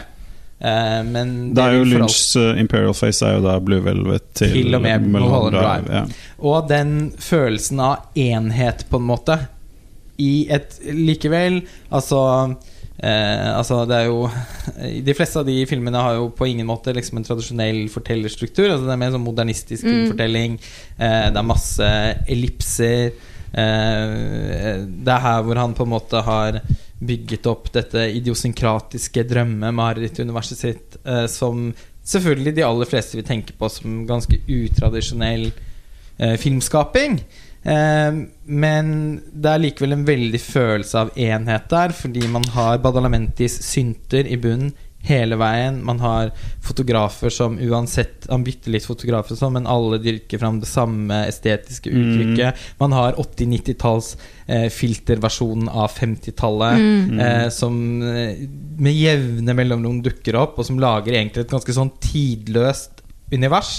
Eh, eh, og man eh, sånn, det, er noe, det er jo noe et eller annet så estetisk tiltalende audiovisuelt med det universet Mm. at eh, man Og når man er, Når det er det man dypest sett da, hvert fall for min del, er, er når det er, det på en måte hovedappellen Ja, ja. Sant? ved David Lynch, så er det litt vanskelig å se at han bryter det opp i så aggressiv grad som han Ja, ja, gjør. men jeg er helt enig. Altså, men det jeg tenker, da, at det her er filmmaking som ligner på billedkunst på begynnelsen av 1900-tallet. At man går fra å male en fotorealistisk eh, eh, stilleben med druer og epler, til å bli Cézanne, som viser en kubistisk fremstilling av druer og epler, men du er fortsatt med på at det er druer og epler, eh, selv om det ikke er eh, illusjonistisk. Og det er det jeg syns er så gøy, da, fordi han får deg med på det. Eh, Han får deg med i abstraksjonen, og det syns jeg er så få som har klart. Og det Og gjør så få som prøver. ja, som prøver, og det Og- gjør han med utrolig billige spesialeffekter. Synes, er, det det, er det slik man skal få en ny filmlaging? Da? Men, ja, det, men det, er, det, er, et par ting vi må nevne der. At Twin Peaks uh, sesong tre har i episode åtte noen av de beste spesialeffektene jeg har sett på TV. De beste naturalistiske spesialeffektene. Både mm. dette atombombenedslaget ja, ja, og denne Absolutt. frog-mothen. Men veldig mye av de andre spesialeffektene er som du sier, dårlig med vilje. Ja, sånn som det treet, for eksempel. Og... Ser ut som Kinderegg. Ja, ja, ja, og jeg syns jo det er helt nydelig, Fordi du er jo litt med på at det er tre, eller du liksom Du godtar det, da. Det var det eneste som stakk for meg i de to første. Ja, ja, jeg, tror, jeg tror, det var da jeg falt Altså snakker vi om The Evolution of the Arm. Dette, yes. dette uh, treet uten løv, men med en sånn snakkende kjøttklump på toppen. Det var et sånn øyeblikk av sånn intens lykke for meg. Altså, se han, Ja han, han, han, er fortsatt uh, med. Men uh, Ja. ja. Det, det, det, var ikke en intens ulykke for meg heller, men det var det eneste som jeg følte som dro meg litt ut av den eh, stemningen som jeg var mm. veldig godt tyllet jo, inn i. Men, men, ja, Sorry, okay. men, men, poenget, mitt, poenget mitt jeg ville si, var at alle vi eh, eh, er jo født på mer eller mindre midten av 80-tallet, og vi er da eh, vokst opp i en verden hvor Lynch, eh, i hvert fall så lenge vi har vært eh, interessert i film, alltid har eksistert. Og hans liksom brudd Altså, vi har aldri opplevd det man leser så mye om, er å se hvordan han kom inn i filmverdenen og brøt med det som var der. Nå får vi oppleve det lignende, og vi syns det I hvert fall Lars Ole syns det er ubehagelig. Eh, jeg, jeg, setter veldig pris på at han bryter med det, mm. og at han gir oss noe helt nytt. Og, og alle, alle, mine favorittting som jeg liker veldig godt, eh, og som jeg bærer med meg gjennom livet eh, Veldig få av de tingene er kjærlighet ved første blikk veldig mange av de er Oi, vent da, hva Nei, forresten, æsj. Øh. Og så det går det et år eller to. Ja. Uh, og, det, og, jeg tenker jo, siden du snakker om det her med Pet Shop Boys og det der at uh, What did I do to deserve this? Ja men, men, men at, du, at, du, på en måte vil at det skal være Pet Shop Boys ikke sant? hele mm. tiden. Uh, og du har én ting i det kunstnerskapet du holder fast ved, som liksom er toppen. Som du sammenligner med. Eller kjernen. Ja. Men, men, innenfor kunsten så snakker vi gjerne om det vi kaller late style. At, mm. uh, det gjør man ofte innenfor film òg. Ja, ja, ikke sant? At plutselig, helt på slutten av en karriere, da, så kommer den kunstneren som du elsker, og ødelegger sitt eget uh, era med å lage noe helt totalt annerledes. Han bryter ja, eller fragmenterer ned Ja, fragmenterer og, og, på en måte kompliserer uh, det du opprinnelig liker. Og det er så utrolig provoserende. ja, men, altså, men, jeg ser også verdien i, i at Lynch nesten har et sånn ikonoklastisk forhold til Twin Peaks når han skal lage ja. det på nytt igjen, mm. og at han brenner ned sine egne kirker. ja, det er fint. Ja. Eh, det, altså, det rykker i meg, men jeg kan også være veldig med på det. Jeg, jeg tror det som endte opp med å bli vanskelig for meg eh, i store deler av serien, var egentlig ikke de aggressivt eh, dårlige spesialeffektene i seg selv. Men at jeg følte at han bikket over i en slags overforklaring av sitt eget sin egen underlighet. Altså Jeg har vært veldig Jeg synes David Lynch har vært en mester til å sammenstille bilder. Mm. Uh, og til å bevare noen sånn mørklagte rom som jeg ikke nødvendigvis forstår intellektuelt, men som jeg kan føle altså, Intuitivt. Intuitivt, emosjonelt, han forståelse for. handler veldig mye faktisk om Badalamenti sin musikk, mm. som er bindevevet her. Mm. Uh, men også ofte, også ofte, å bare liksom Her har du dette, liksom en scene eller en handling, og så har du noe helt annet, og så er det trekk dine egne konklusjoner. Nettopp. Implisitt. Uh, og denne elliptiske fortellerstilen hans syns jeg alltid har fungert så fint, fordi at uh, den ikke den, Jeg syns ikke den går seg vill da i sin egen underlighet. Men i The Return så opplevde jeg at han tidvis uh, liksom hadde behov for å overforklare noen sammenhenger. Uh, på også da syns jeg litt sånn visuelt grelle måter. Men f.eks. da i episode tre. Det at da Cooper kommer fra denne eh, mellomverdenen, eller passasjen, eller hva man enn skal kalle det At han da kommer som en sånn svart kobraslange ut av en stikkontakt, Mm. som blir Dougie Jones. Det har jeg da f.eks. problem med, fordi jeg tenker at i sin imperial face så vil han bare hatt en ellipse der. Altså Vi ville bare sett en karakter Ligge, det- ligge på vegg-til-vegg-teppet. Ja. Nettopp. Ja. Og, og det hadde vært for meg Én ting er at det hadde vært mer enn nok. Eh, Jeg, hadde Mm. ikke, jeg forstår ikke noe mer av, av å se den Og du, svarte syns, slangen. og du syns spesialeffekten er stygg, ikke sant? Ja. Ja. Og Ja, kombinasjonen av det Ja. gjør at jeg liksom også får den der følelsen av at liksom Ja, ofte har det vært sånn med David Lynch at jeg forstår det, men jeg ser det ikke. Men nå er det Jeg ser Mm. Men- det, men jeg, men jeg forstår det på en måte ikke. Nei, men altså, jeg tenker at liksom um, Det jeg respekterer og setter som pris på, da, er at uh, han er jo vært en kunstner som har en verden som foregår i halvskygger, ikke sant? Mm. Mens uh, The Return, det er liksom i full spotlight, så alt syns. Uh, og det å sette tegn, eh, eller altså bilder, eh, på det som skjer imellom, som han vanligvis bare hadde hoppet over, eh, det syns jeg er ganske interessant. da. Eh, Det er ikke sikkert at alt er like vellykka, men jeg mener at eh, som en metode så syns jeg det er kjempeinteressant. Jeg, jeg, altså jeg er på en måte litt mellom dere i den forstand at jeg, jeg liker det jo veldig veldig, veldig godt, men i likhet med Lars så er det ting der jeg syns er det er mye jeg bare syns er irriterende stygt. Eh, eller grelt er vel eh, riktig ord. Men eh, akkurat til det du sier der, så vil jeg si at i de fleste andre David Village-filmer fra hans da imperielle fase, så har historiene, selv om de ikke alltid henger veldig tydelig på greip, så har de, de er veldig rett Altså, om de ikke er rettlinja, så er det én linje. Eh, eh, og de har et momentum. I Twin Pics Return har ingen momentum noe særlig. Det er, og ofte så får du inntrykk av at det er ikke en historie i det hele tatt. Eh, det er i Devil Lynchs eh, filmer Han har eh, liksom disse speilingene. Altså Det er gjerne alltid to versjoner av rollefigurer. Enten det er de samme skuespillerne som spiller eller ikke. Og de er gjerne liksom Enten det er som i Twin Peaks at noen er avatarer av noen sånne mer sånn uspesifiserte universelle krefter, eller om det er i Eller sånn Laura- dobbeltganger. ja, Altså, Maddie, Maddie. dobbeltgjenger, ja, altså dobbelt skjebner, eller om det er liksom Twin Peaks eh, Invitation to Love, eller om det er i, i, i Mulholland Drive at det er, liksom, det er en drøm. Eh, I så, så er det da, dette er liksom en relasjon liksom Det jeg tenker, pleier å tenke på som det liksom holografiske metoden til Lynch. Da er det der med at du har flere Altså akkurat det du sier, at du har flere versjoner av den samme tingen, og sannheten eller totalopplevelsen ligger der disse to feltene overlapper. Og Det er noe du aldri får se, men det, det skjer i ditt eget hode. Yes.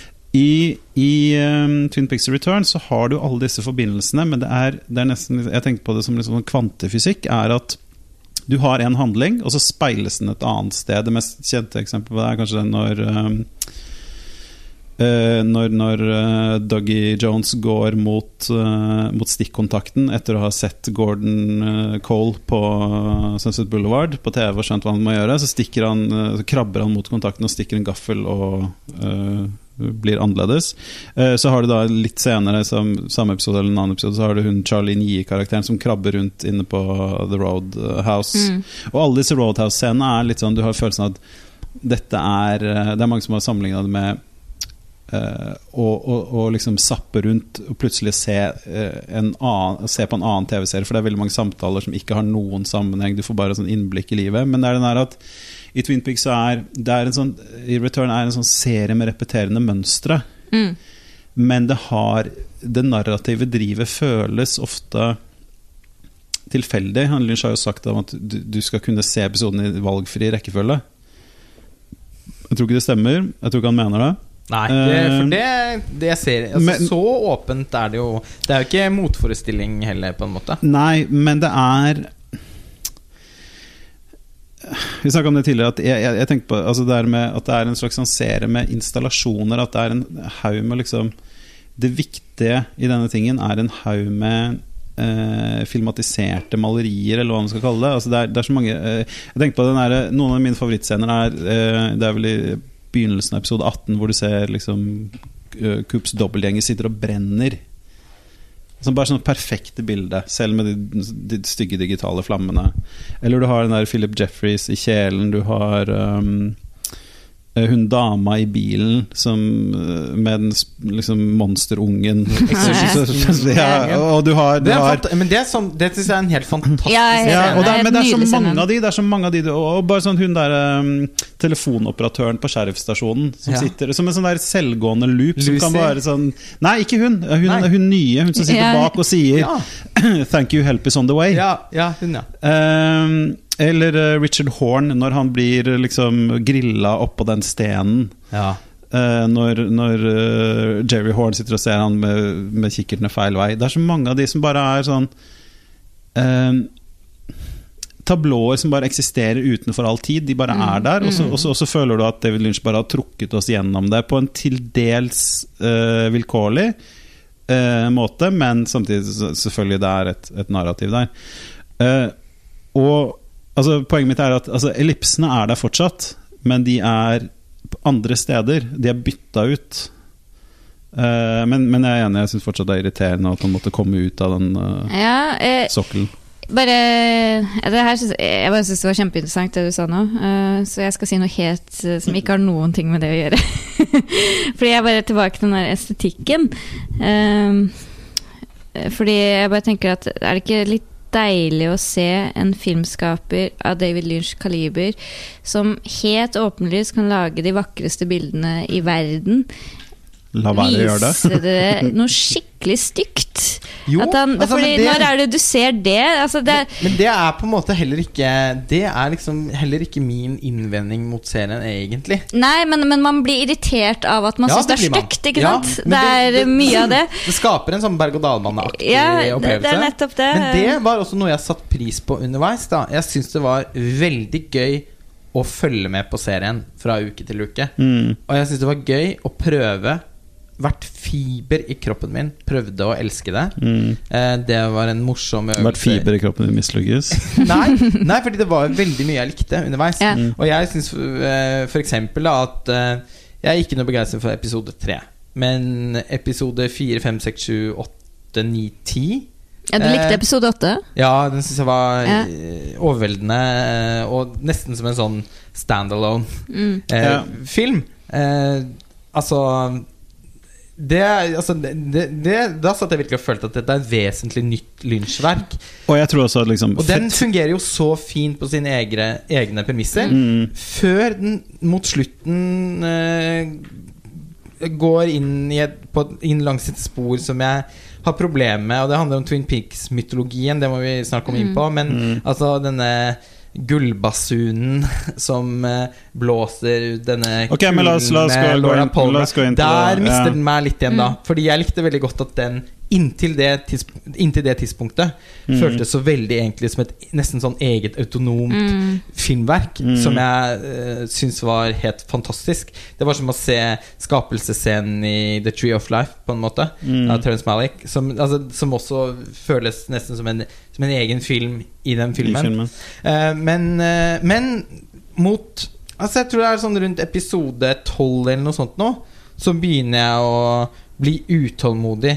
Ikke egentlig fordi jeg er opptatt av at alle de eh, historielinjene som kastes ut underveis, og at alle Altså De ser ut som tentaklene på en brennmanet. Det Mm. syns jeg er helt greit.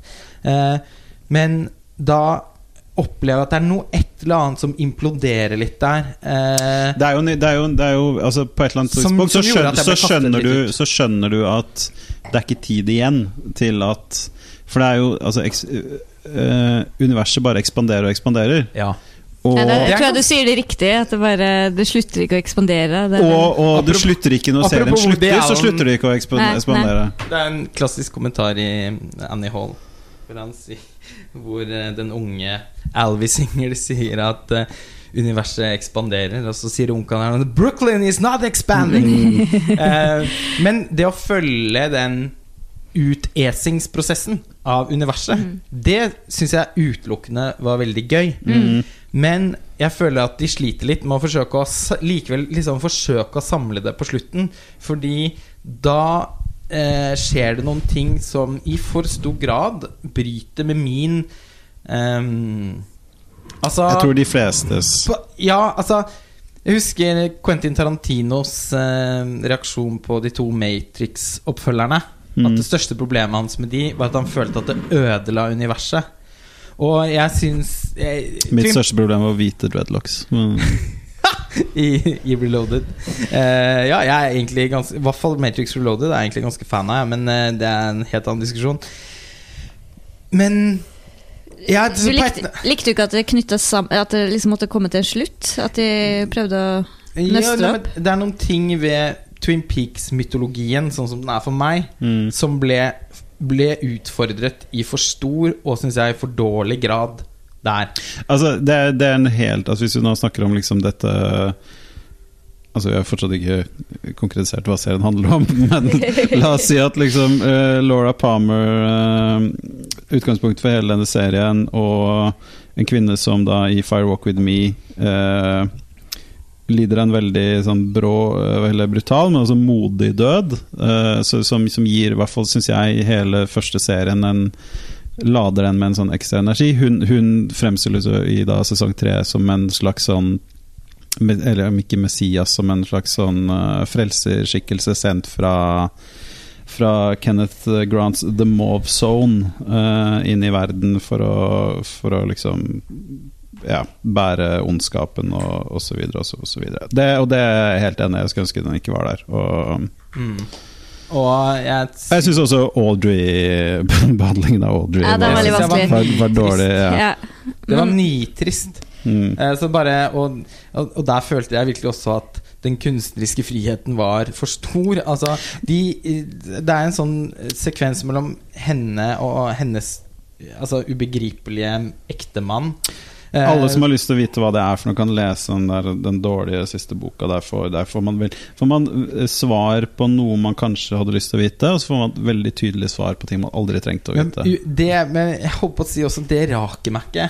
Altså, jeg syns uansett at eh, det, det er f.eks. i den ene, jeg husker ikke hvilken nummeret på denne episoden, men hvor det er en sånn nesten 20 minutter lang dialogsekvens Mm. mellom hun og denne gnomeaktige ektemannen. Hvorfor Mm. er han en gno, eller en veldig spesielt utviklet person?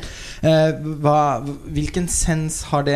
Er det bare for at det skal være så spesielt som overhodet mulig? Det er også en kritikk han ofte har fått. da At han bruker mennesker med forskjellige handikap nesten som Ja. en sånn At de er rare i seg selv. Ja, og det, Eh, det som- fungerte i hvert fall veldig ikke for meg, den Nei. scenen der. Og jeg, jeg følte ikke at uh, Audrey Horns legacy på en måte da ble ivaretatt Nei. på en fin måte. Jeg syns det var sjofelt. men, men jeg tror det er noe altså, Du sa rundt episode 12, det er noe som skjer der. Ja, det det Det er, er rundt eh, der at det begynner jeg vil, å si, skje jeg vil si For min del så er de beste episodene av den serien er episode 8, 11 og 16. Eh, nei, 18. Uh, men det skjer et eller annet rundt episode 12-13, kanskje, hvor du innser at Iallfall når du ser det for andre gang De kommer jo aldri til å sy sammen det her. De, de, de, de her kan aldri nøste opp alt det her. Altså, de vil aldri rekke å forklare De vil aldri gi Audrey nok historie. Hva er det Ben driver med? Hva er den, altså, Da hadde det vært bedre å utelate henne. Nei, men Er det ikke det som er litt Men- deilig ja, med det det antisentimentale i det òg? det, er da, det er der dette som du, Marte, setter så pris på, og som jeg setter en stor del pris på, trer inn. Det derre Plutselig så er selv liksom Lynch liksom, øh, Dette evige mantraet i liksom moderne populærkultur Respekt for karakterene, respekt for universet, er liksom borte. Eh, Ja, Til en men da burde det jo være bra. ja, og jeg Men det ok, syns jeg ikke det var. jeg syns det. Jeg, jeg syns, jeg syns de Altså, nå mener jeg, nå mener jeg spesifikt Audrey Horn, da. Ja, ja. Jeg, jeg klarte ikke å Ja, nei, altså det, er, veldig vanskelig å forsvare det der. Jeg kan prøve, men, jeg, men det er veldig vanskelig å forsvare uh, altså uh, Altså Herregud, nå høres jeg ut som en sånn fascist, da. Men jeg liker Nei, nei, jo på en måte at uh, alt går i oppløsning, og at Audrey Hall, som er den mest elskede personen, utenom Mm. kanskje Laura, da, i den første Nei, sesongen. Audrey er den mest- Ja, Audrey det. er jo det. Hun blir behandla nesten litt sånn stygt. Ja. Og, og Eh, Cooper er Cooper, Og det, det er en sånn type vold uh, som er nesten litt sånn utilgivelig. Ja. Uh, så, samtidig, så jeg tenker jo liksom helt mange år i fengsel for det. Ja, ja, men, jeg, jo, men det er også volden mot henne først og fremst er jo ikke la henne være den spesielle den, Ja, eller, eller eh, liksom altså, sånn, Det er også et, eller annet med liksom, sånn- Selv liksom garderoben hennes er designa for å fremheve liksom de verste trekkene til uh, Hva heter hun? Uh, Shaolin 5. Ja. Eh, og du ser det først når hun begynner å danse i den siste Mm. episoden. Så, så får du liksom Så ser du henne Men hun er liksom sånn det, Altså Selv liksom holdningen hennes er ubehagelig. Mm. Eh, Men og, og, og, og det speiler liksom hvordan, hvordan den serien hele veien jobber. For de to, de to mest elskede figurene i Twin Peaks er jo Cooper og Audrey. Mm. Og publikum får Cooper i hva, to og en halv episode. Ja, knapt nok. Ja. Og så ender han jo opp med å bli en sånn kopi av seg selv igjen, han Ja, Richard, som som også er veldig ja. ubehagelig. Men Doggy Jones for eksempel, det var ganske morsom å følge med på. Ja, men han er jo det var i en sånn Frank Capra-film Ja. fra 40-tallet. ja, ja. Og han er liksom varmen som kommer inn igjen, da, på en eller annen mange, mange Men, måter. men han også er jo, i hvert fall som representant for det der eh, Las Vegas-delen, han er jo den, det grelleste i hele serien.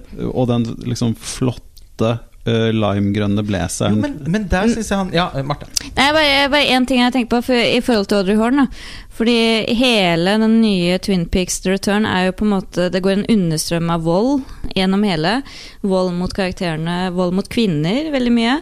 Eh, Det er, kan du si om mye lunsj. ja, jo, jo, men absolutt. Jo, men jeg men jeg, det var For det hadde jeg faktisk tenkt å ta opp når vi først Ja. snakket om vold. Da, for det var en ting som jeg syntes var litt sjenerende med serien. ja. At jeg synes, eh, den altså sånn, nesten sånn kategoriske volden mot kvinner som ikke helt fikk noen forløsning. Og det har han jo alltid fått veldig mye kritikk for. Sånn som eh, er Pauline Kahn som har skrevet uh, om det. At uh, den derre nesten uetiske volden mot kvinner gjennom hans Ja, og det, evra. det er da. et problematisk Ja, ja, ja, absolutt. Og, Men her syns jeg det var en, det, Her synes jeg det var mer retningsløst. jo, jo, jo, jeg er litt enig, men jeg føler at det også er en sånn derre type vold som går som understrøm i hele det amerikanske samfunnet. Eh, som gjerne liksom syns på de kvinnelige karakterene. Men så har du også moren til Laura Palmer.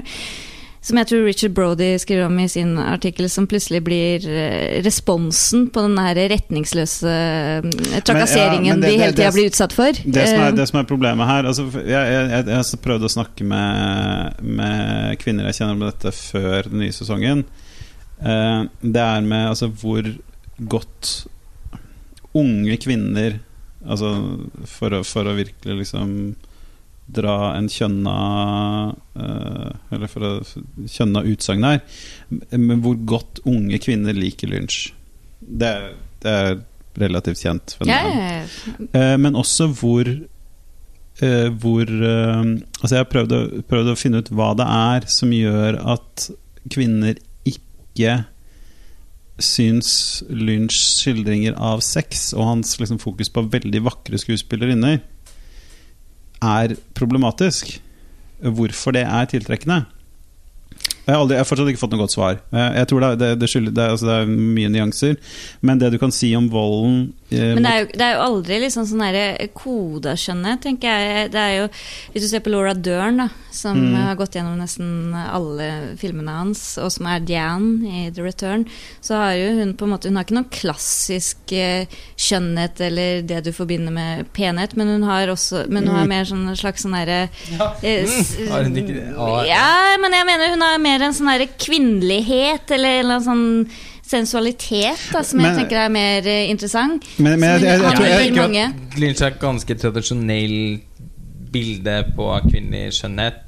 Ja, jeg føler at han øh, Det jeg kanskje kan kicke på, er at han også gir kvinner en eller annen sånn kraft. Da. Ja, det er det jeg tror. jeg han- Men han lar de være, han lar de være personer. Jo, jeg, jeg, jeg, Han lar de være karakterer. Ja, ja. Men han Og- har og det laget du noen kan si om- fantastiske kvinneroller. Mm. Eh, men, og, og jeg syns jo, eh, som de aller fleste, både kvinner og menn syns, at hans smak rett og slett da er Mm. estetisk tiltalende. Mm. Så eh, men, men i The Return så bare følte jeg at denne Ja, altså den det er på et tidspunkt i den serien Men- så men er det jeg- så mye vold, brutal Ja, vold mot ja, men som liksom ikke får noe Nei, men, men, men, men, men, men jeg, men jeg tenker jeg tror også altså at et av poengene der er at volden mot, det skyldes at vold mot de kvinnene er at de kvinnene er vage karakterer til å begynne med.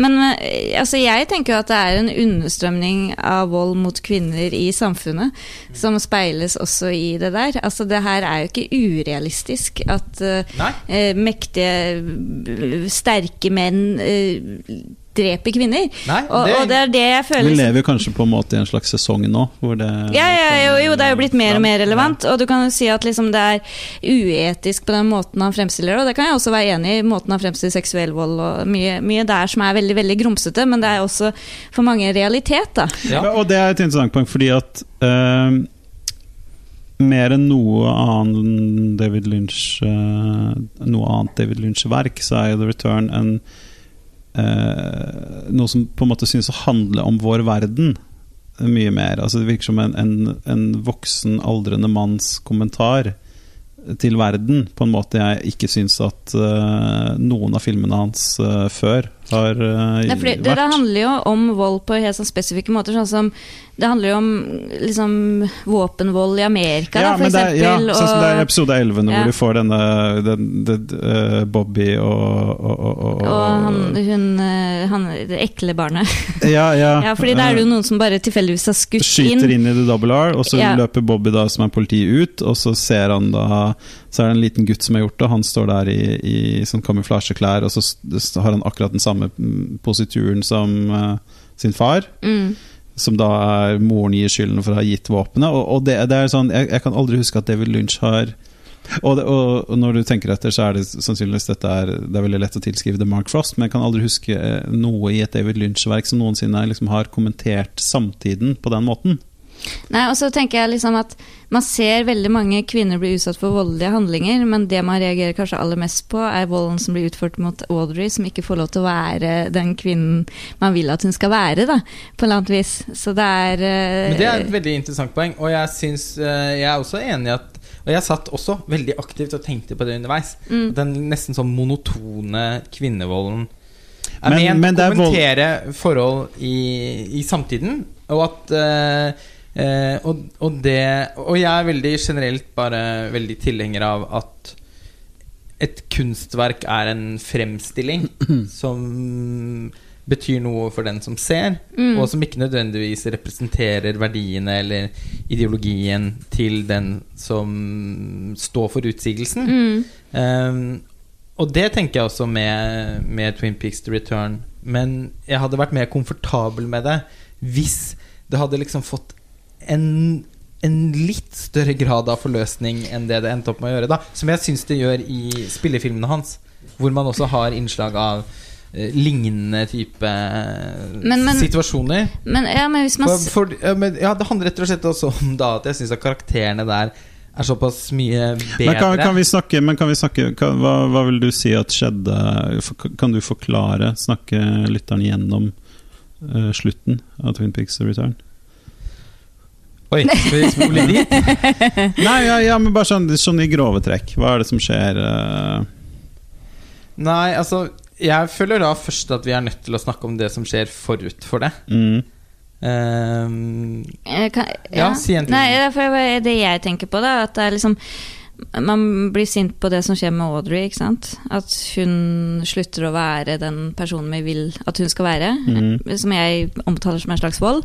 Samtidig så skjer jo det samme med eh, Cooper i mm. siste episode, hvor han plutselig blir Richard. Ja, eller Ja. også i veldig mange av de foregående Ja, episodene. Han, Ja, er- hvor det er en sånn veldig ubehagelig scene mellom Jan, eller Laura Dern, Mm. og, og en sexscene som, som føles som et overgrep. Da. Mm. Eh, hvor plutselig eh, den samme Jeg syns ikke det, ja. Det- ja, ja, men eh, den er jo litt sånn eh, Jeg opplevde den som ganske ubehagelig, da. Den. Ubehagelig, men altså, nå snakker vi om den sexscenen i siste episode. Ja, hvor de, han plutselig også blir til noe menneskelig, ikke sant. Han, han ender jo opp med å på en måte komme til feil person Liksom Laura som har blitt eh, Hva er det hun har blitt? Jeg husker ikke hva han heter. Dobbeltgjengerne ja. Hennes heter. Ja. Men det er kanskje Laura 25 år etterpå. Carrie, da. det det? Hvis, Carrie Page? ja, noe sant. Laura 25 år etterpå hvis det mordet ikke hadde skjedd, da, kanskje. Mm. Eventuelt. Ja, det er, Og- Da blir det jo en slags sånn parallell tidslinje. så- Ja, ja, og hvor han på en måte også er helt Det er, sånn det er menneskelig. Back to the future-elementet. Ja, ja, Det- lite grann. Ja, nettopp. Og han blir plutselig veldig menneskelig og gjør feil og på en måte forstår ikke hva som skjer. Han er ikke den der superhelten som er Dale Cooper lenger, han heller. Så han dreper jo på en måte alle eh, prokasten eh, Altså alle de han eh, har løftet opp da, som Mm. karakterer. Men det er også det at en, altså en, en sånn populær lesning av det er jo det at den løs... Altså den slutten altså, I grove trekk det som skjer, er etter at, uh, etter at liksom alle gode kreftene har samla seg i, på sheriffstasjonen i Twin Peaks, så slår uh, Hva er det han heter? Uh, briten? Freddy Sykes. Med den grønne hagehansken. Slår, slår Den er superheltingen der. Slår, ja, og det er jo en slags sånn parodi på en eller annen Marvel-ting. Altså eh, han, slår, han slår Bob-ballen tilbake til der den hører hjemme, og så plutselig så forsvinner eh, Cooper og Diane eh, inn i en annen virkelighet hvor de heter Richard og Linda. Eller i hvert fall etter hvert så heter de Richard og Linda, og så utfører de et eller annet sånn rart uh, sexmagi-rituale, sånn som jeg tolker det. Mye pga. at uh, Diane har er veldig koda med dette røde håret som, uh, Scarlet Woman, tenker du? Ja, Marjorie Cameron. Ja, ja. eh, og man, plutselig så forflytter man seg til en annen tidslinje, uh, hvor vi er da i noe som på en måte ligner den virkelige verden. Fordi hun som Når de til slutt Når Cooper, alias Richard, finner da uh, Laura, alias eh, Carrie, og tar henne med tilbake til Twin Peaks, og de kommer til huset til Sarah Palmer, så er det jo da hun som åpner opp døra, er hun da som eier dette huset i den virkelige verden. Eh, som da omtaler seg selv som eh, Eller at, at dette huset tidligere har vært eh, eid av uh, The Chalfonts and The Tremonds. Som da er liksom disse navnene på hun ja, Firewalk with me. disse yeah. personene. Eh, eh, og det, alt dette viser jo da tilbake til første episode, hvor kjempen sier, eller The Fireman sier 'It's in our house now'. Men da får det plutselig en verdi eh, betydning at nå er det i vår, altså seerens ekte verden, og ondskapen Mm. har liksom brutt gjennom og bla, bla, bla. Men, men Eh, Det er, no, jeg synes det, er, det er noe med disse forklaringene som Jeg syns at uansett eh, du kjøper det ikke helt? Nei, rett og slett ikke helt. Fordi, fordi at min Twin Peaks-mytologi, basert da på de første 15-16 episodene og Mm. Twin Peaks Far Walk Me, er ganske annerledes. Fordi Mm. at Og nå kommer vi til dette som du nevnte i stad, Aksel, med The Black Lodge og Red Room. Fordi The Black Lodge blir jo skapt i den delen av Twin Peaks hvor eh, Altså sesong to, hvor eh, David Lynch har trukket seg tilbake. mm, Men Mark Frost er jo fortsatt med. mm. Eh, og i Hellstrøm rydder opp-episoden, eh, den siste episoden, så omfavner jo David Lynch det. Eh, og forsøker å gjøre det til sitt. Men det var en stor overraskelse og skuffelse for meg at det fikk en så stor plass i den nye sesongen. Fordi noe av det som er gripende med Twin Peaks eh, for meg, er at Bob er hans gestalt er eh, et bilde på fortrengning Mm. fra Laura Palmer, som Mm. blir seksuelt misbrukt Mm. av sin far, Mm. og for Leland Palmer, som misbruker sin datter. Mm. Eh, og det går psykologisk relativt opp, da, i ja, episode 1 til eh, 15-16 pluss Far Walk With Me. Eh, og det rimer også veldig overens med andre Lynch-verk. At alle de ting Altså alle disse Altså den psykologiske disassosiasjonen. Nettopp. Ja. Altså alle disse marerittaktige eh, reisene som vi gjennomlever når vi ser filmene, er forankret i en menneskelig psykologi som vi, man kan identifisere seg med. Mm. Være som det er i Lost Highway. Har jeg virkelig gjort dette? Mm. Jeg kan ikke huske altså, Jeg har vært i en tilstand hvor jeg ikke kan huske noe av dette. Mm. Eller Mulholland Drive, eh, hvor man hadde hatt et bilde av seg selv som ikke samsvarer med virkeligheten, som har blitt igangsatt av et forventningspress, eh, et selvbedrag osv. Eh, og den biten forsvinner for meg når Bob på en måte blir en inkarnasjon av all verdens ondskap som har oppstått ved en atomprøvesprengning, og som har Mm. blitt en ball som noen nyervervede superhelter Fra London. som skal uh, bekjempe, som var det i en Marvel-film. Altså Det øyeblikket der hvor alle Mm. de gode kreftene på en måte samles på magisk vis på Mm. politistasjonen i Twin Peaks for og en gang for alle eh, Men- tilintetgjøre Men- både ok. ondskapen eller noe. Men Det det- var for meg der hvor virkelig jeg syns at prosjektet eh, imploderte eh, for meg. Ja, Ja. For jeg, ok, Hvis jeg kan få lov et øyeblikk å snakke fra, for de av som er litt lenger nord i Østfold enn det du er eh, Så i hvert Det er jo da for- sist Halden, Sarpsborg og ja, Fredrikstad. så, så, Veldig viktig. Eh, så, så, så vil jeg jo si at for meg så har lunsj det som har vært eh, Noe av det som har vært aller mest tiltrekkende ved lunsj, er det at ting Du kan lese ting på den måten du sier nå, og særlig Twin Peaks. Mm. Men det har alltid vært ting der som ikke lar seg redusere til en enkel uh, Jo, men det er, helt, det er jeg helt enig i, men Ja. da vil jeg ikke ha den reduksjonen. Nei, nei, men, liksom, da vil jeg ikke ha svaret på hva det er for noe. nei, for jeg, jeg tenker jo det som skjer fra forskjellen mellom Twin Peaks eh, originalserien til The Return, er jo at uh, plutselig så får du en forflytning av ondskap fra noe personlig Um, til å bli systematisk. Da. At det ligger under Mm. hele samfunnet. Uh, og at uh, hvis du skal se på en innsett-sak, så må du også se på liksom, eh, hva som har gjort at det kan komme til, da, på et eller annet vis. Um, det er det jeg føler er interessant med dere Return nå, for det åpner opp en hel ny verden av assosiasjoner rundt hva ondskap kan være. Og så er det så Jeg tenker at det er så deilig å tenke at det er bare én person som er født ond, ikke sant? At det er, Ja, eller, eller ja. at det er en, en eller annen sånn resultat av handlinger, eller Ja, ikke sant? Men, ja. men, mens Det blir jo da på en måte en mer sånn religiøs eh, forståelse. Ja, jeg, men, jeg, jeg tenker, eller kanskje Psykologisk forståelse, ja. fordi det, det handler jo om at eh, det er heller et eh, sykt samfunn, da. Ja. Uh, men, men det, det, er det, der er jeg litt sånn enig i at det, det er kanskje det jeg syns er det svakeste ved Og vi, Du sa vi skulle snakke om Mark Frost. Uh, Ja, nå snakker vi om Mark Frost. For, fordi, fordi det, også, jeg, jeg må innrømme at jeg ikke Jeg har slutta, har slutta på Twitter. Uh, anbefales.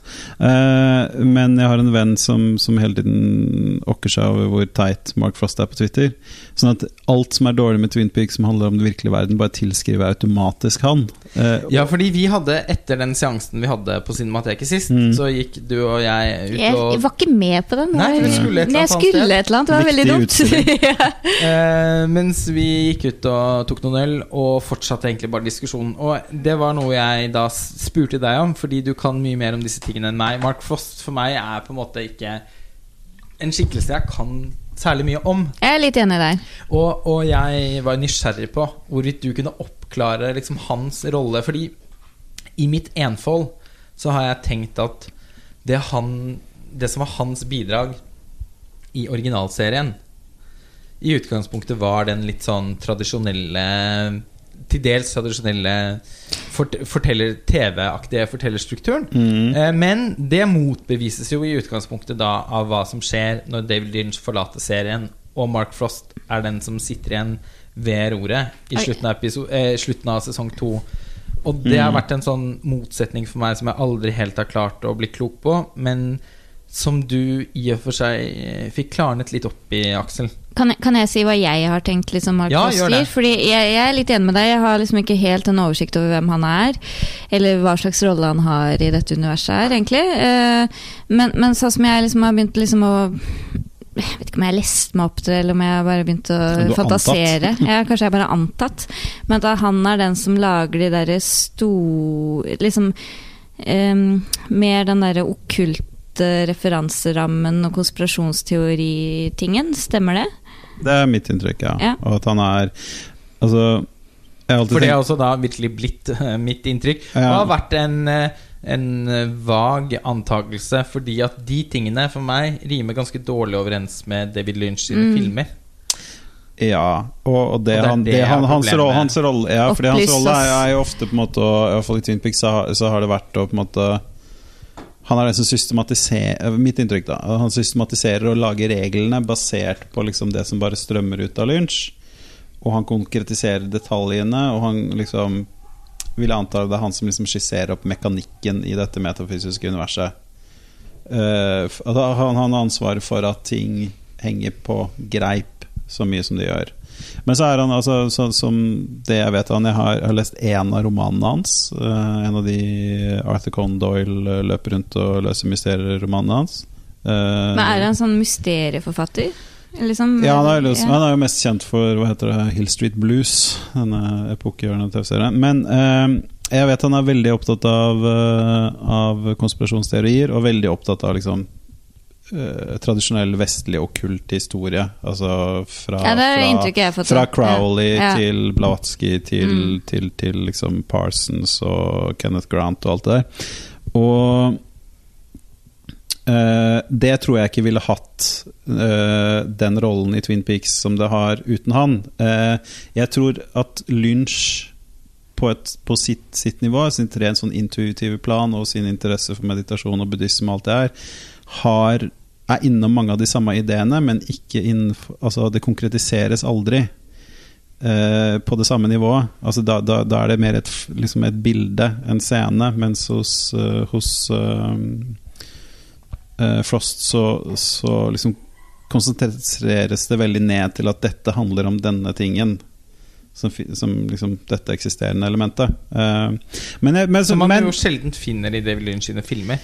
Men sånn samtidig, jeg, jeg, jeg tror at noe av det mest interessante som jeg vender tilbake til med The Return, er jo disse um, The Woodsmen, som det er blitt kalt. Disse svartmalt, uh, skjeggete Noe av det uteliggerne. skumleste man har Ja, sett på lenge. Og det er uh, Mye av det mest interessante som er skrevet om de, er at de fungerer både som eh, representasjoner for eh, altså klassiske liksom, men in black, bokstavelig talt. Altså det, liksom disse eh, De er vel ofte skildra som CIA eller FBI-agenter. Altså Som Mm. kommer og forteller folk at de ikke har sett noe når de har vært ufoer og sånn. Altså det, det her er de faktisk liksom mens, eh, Men in black, de er svartmalte uh, mennesker. Men så fungerer de også som grace. Altså romvesen. At de er Men har de ikke noe sånn demonisk ved seg òg? det er også det. Men, men jeg, tror, jeg, tror at, eh, jeg tror at mye av, av eh, det Frost bidrar med, er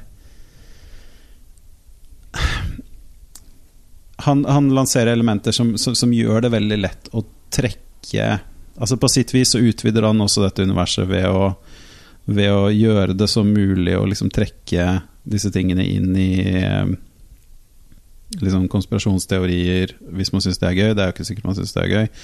Eller liksom, øh, liksom mainstream vestlig okkultisme. Eh, men jeg tror, jeg tror Jeg har alltid tenkt at hans viktigste jobb er bare å liksom sikre, sørge for at ting har en episodisk form, og ting blir gjort. Men så ser du på, på um, Det jeg hørt mye snakk om Det er mange som snakker om at Mark Frost skrev et manus på 400 sider til Twin Peaks The Return. Og så, og så gjorde Lynch det han gjorde med det. Og uh, ja. Ja, jeg anbefaler som sagt eh, den første av bøkene hans, eh, som jeg nå ikke husker hva heter, men det er den eh, Men, skal, men har han lagd noen andre Secret History. filmer? Har han jobbet filmatisk, eller Ja, er det han mer har litterært? ikke, Han har jo ikke regissert film, tror jeg, men han har skrevet annet en film som heter The Hidden. Er det bra? Nei, jeg har ikke sett den. Nei. Har den liggende hjemme. Men eh, ja, det fordi, fordi jeg bare tenker, hvis vi skal bevege oss videre Fordi det er én ting jeg har lyst til å nevne, som jeg syns kanskje er den største magien Sånn ren sånn fysisk magi i Twin Peaks Return. Eh, Det er jo sånn som vi snakket om, bruken av tid. Sånn at det går 25 år til mm. neste kommer. Og tiden han bruker på å lage dette. Liksom at Og det går tiden over han tar seg ja, nei, det. At det går eh, 18 episoder, og at det, det blir dratt ut. Og han, det er sånne eh, ting inni der som tar så utrolig lang tid. Mm. Men også det der at han har jo de skuespillerne da, som har levd gjennom den originale serien, som dør nesten En haug med folk som dør etter reelt serien. Ja. i serien. Og jeg tenker på Log Lady og den episoden der. Det er noe av det mest rørende, vakreste jeg har sett på TV. Og altså det jeg snakker om, da, det er jo at uh, Log Lady Men det er også et eksempel på at virkeligheten bryter inn. da, Ja, det er nettopp det. Det er, det, det er hele tiden det at illusjonen brytes hele tiden, da. Mm. Uh, Men det er et sånt element uh, av er Et sånt type brudd som, som jeg jo virkelig bare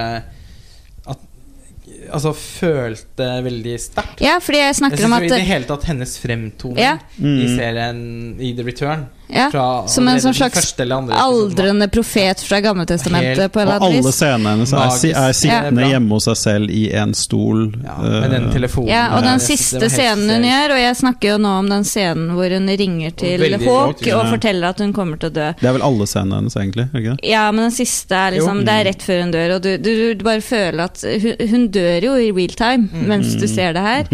Eh, og jeg driver hele tiden og snakker om at ah, jeg setter så pris på at det er så antisentimentalt og Mm. så lite nostalgisk og alt mulig rart, men akkurat den scenen der, det er kanskje noe av det vakreste jeg har sett på film noensinne, for jeg er så med på det, fordi jeg er blitt så investert i det gjennom så mange Men timer. Ja, også, ja, men jeg, hadde, jeg, så, jeg så et par episoder i går, og da så jeg, jeg så den. Uh, og jeg så episode var det 16, da Cooper uh, vekkes til liv igjen, og han har denne I am the FBI. Ja. Eh, og Jeg husker ikke hvilken episode det er, men det er mulig det er samme hvor uh, Ed og Norma endelig finner hverandre til den Mm. eh, live-innspillingen av Otis Redding. Ja. Og det er sånne ting som, som, som Uavhengig av alt annet, eh, og når jeg ser det på TV-en min, eh, nye TV-en min hjemme, så er det liksom Jeg har ennå ikke fått liksom filt bort på bildekvaliteten alle disse liksom reality-TV-effektene. Sånn at det er, det er litt virkeligere enn jeg skulle ønske det var. Det er, litt, det, ser, altså det er litt nærmere meg, det er litt mindre abstrakt. Aksel har fått seg ny TV. Ja, Aksel har fått seg TV, vil jeg si. Um, Har du husket på å skru av den der ja, ja, ja, ja. Men det er, det, er, det er justeringer som må til. Men, men da, da kommer alt litt nærmere. Men selv da så er det, det er sånn som bare slår rett igjennom. Jeg, og det, jeg husker den Kanskje den, for min del, denne scenen i serien som mest Uh, uttrykker det gamle Twin Peaks, og det jeg trodde kanskje den nye serien var, er eh, når Bobby kommer inn og ser bildet av Ja. Laura. Ja. Og du får musikken, og han begynner å Ja, ja. gråte. Og det er, noe med, det er noe, bare noe med ansiktet til Bobby i en, eh, hva heter han, Dana Ashbrook i hele serien som, er, som bærer hele den gamle serien i seg. Mm. Men er det ikke litt sånn som også, eh, som ser på serien, som uh, på en Jo. måte blir Bobby Jo. når Jo, vi men det ser uh, speiles jo ja, helt ja, direkte. hele og- tiden. Og det er et kjempevellykket Mm. øyeblikk hvor man på en ganske banal måte trekker inn en sånn spillbar, Ja, men- men er- Ja, men det da. det, det Men som bare funker kjempebra. Ja, for det tror jeg er det jeg elsker, da. Den derre kompromissløse eh, bruken av video, eller kunstelementer, og at du får et tegn istedenfor en Mm. spesialeffekt, det- til eh, den derre vanvittige Man, that følelsesmessige back some Men, men det er også liksom Lynch sin i sitt liksom Felini-modus, hvor Mm. han stopper opp mm. eh, ved noen overraskende i noen overraskende øyeblikk og tillater seg å Uh, på nesten klovnete måte uh, gråte over uh, yeah. noe som er tapt i tiden. Eller sånn. Den- Og som man kjøper, da. Det er jo masse Masse av det i filmene hans. Men- Så det føltes for meg som et sånn genuint Ganske sånn klassisk Lynch-øyeblikk, egentlig. Ja, for jeg tror det er det jeg elsker, da. Det at han knuser filmmediet med det her eh, fragmentariske, eh, litt sånn stygge filmspråket som gjør at du må se på film på en annen måte, og samtidig som jeg blir dratt inn i film Men jeg blir dratt inn i filmmagien igjen, da. Mm. filmmagi på sitt aller, aller beste. At jeg sitter der og gråter òg, ikke sant. Og, Men, også, men så er det også det at det er så lenge til neste gang. Du får det. Ja. Og eh, hvis vi skal oppsummere litt, da For nå, Nå begynner vi kanskje med å begynne å- renne ut. Eh, men eh, det som jeg syns har vært den vesentligste kvaliteten, uavhengig av Mm. problemene mine Mm. med, med The Return, er jo at det ganske jevnlig har kommet noen sånn helt utrolige øyeblikk Mm. som ikke det har, Og det har ikke alltid latt seg forklare hvorfor de gjør så Ja. inntrykk, men at man virkelig liksom eh, Det er akkurat som man havner på kjøret igjen, på en måte. Mm. Så man kjenner rusen av det Ja, helt sånn rett inn i åren. Mm. Og så blir man helt satt ut av det. Og så tenker man dette er jo fortsatt liksom noe av det bedre som har skjedd på lenge. Og så blir jeg kastet ut av det igjen. Men, men det er ganske mange sånne øyeblikk underveis. Altså Når Sarah Palmer sitter og ser på dette naturprogrammet Ja. med ville dyr som river hverandre i filler mens hun røker sin Millionte. 400 sigarett det døgnet. Eh, eller den scenen som vi så vidt var inne på i stad, eh, like ved dineren, Mm. eh, med denne slags trafikkorken eh, korken Mm. og skuddet og denne damen med en datter som ser ut som eh, Som plutselig reiser seg ut fra intet. Ja. men som sånn Og som på en uforklarlig, men veldig Men likevel liksom helt opplagt måte, Mm. fordi man kjenner det, igangsetter en følelse av at sånn føles det å være i denne situasjonen. Fra den kjempekleine eh, scenen med Norma og Nei, med Norma sier jeg med Madge Namic og Dana Ashbrook Mm. og uh, deres datter. Og liksom, det er noe veldig kleint over den foreldrene Mm. møtes-situasjonen Mm. inne på dineren, som får et fantastisk liv av det som skjer rundt. Altså, da har man David Lynch sin sånn slags sånn psykologiske visualitet Mm. på sitt beste, syns jeg. Akkurat sånn føles det. Eh, Et helt utrolig filmøyeblikk. Ja, men det er helt altså, Jeg tenker jo Og som selvfølgelig ikke har noe funksjon for historiefortellingen. Nei. Og det gjør, det, ja, nei, det gjør jo ingenting. For jeg, jeg syns du sa så fint uttrykk, det at du får det inn i blodstrømmen. For jeg, når jeg foreleser om videokunst, så sier jeg jo at grunnen til at vi har videokunst, det er jo fordi film, som er et ekstremt nytt medium, eh, det er et medium som vi tar og setter rett inn i blodåra, fordi vi har ingen som helst eh, filtre for hvordan vi skal ta inn film. Fordi det går liksom rett på nervesystemet vårt. Da.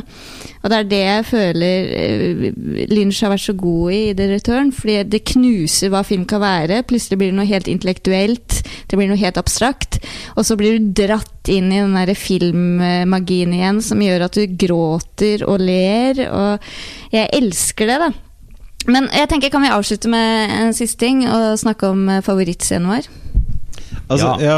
ja. Altså jeg vil bare dra den sånn ultimate oppsummeringen. Ja, ja, eh, unnskyld, Aksel, få grepet, som er å si at um, Jeg kan ikke huske uh, sist noe verk, noe kunst, uh, førte til at jeg hadde liksom gode, lange, interessante samtaler eh, om kunst, om film, om hva det måtte være, i et halvt år.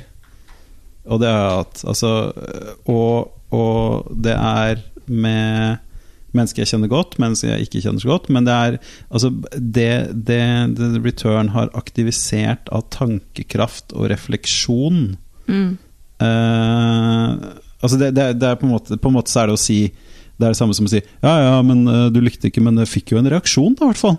Altså, det, er- det er versjon, varianten av det, men, men Nei, men jeg skjønner veldig godt. Altså, det, jeg, jeg, jeg, jeg, vet, jeg, jeg vet liksom virkelig ikke noen som er i nærheten engang uh, av det her. Og det, er en sånn, det føles som en sånn begivenhet det har vært med på. Og, men samtidig, jeg syns dette er veldig illustrerende. Vi har fortsatt ikke gitt noe i nærheten av et liksom, Oppsummering av hva det fullgodt svar på hva serien i det hele tatt sånn, handler om på et rent overfladisk plan. Jeg, jeg syns det er jo så morsomt, da, for hvis du er interessert i litteratur, sånn som jeg er, så, Ja. så driver man hele tiden og så leter etter den der Great American Novel. Fordi Mm. Amerika har alltid hatt den der tradisjonen med å gi sånne der mursteiner av bøker Mm. som beskriver et samfunn. Og jeg Mm. tenker at ja, men ok, men nå har vi gått et steg videre. Vi leter etter Vi har fått kanskje The Great American TV Series isteden, som på en måte gir en større på en måte dybde i hva amerikanske samfunnet er, da. Men hva er denne Ja, men da er jo dette liksom eh, Dette er jo liksom da Ulysses skrevet i dingbats, på en måte. ja, godt, ja, kanskje det. Men, men kan Men veldig pent liksom kalligrafert. ja, veldig, veldig, veldig pene sånn eh, moderne hieroglyfer, da. Men jeg tenker, kan, kan vi gå gjennom eh, Avslutte med en Ja, la oss avslutte Mm. med favorittscenen. da. Hva er din favorittscene, Marte?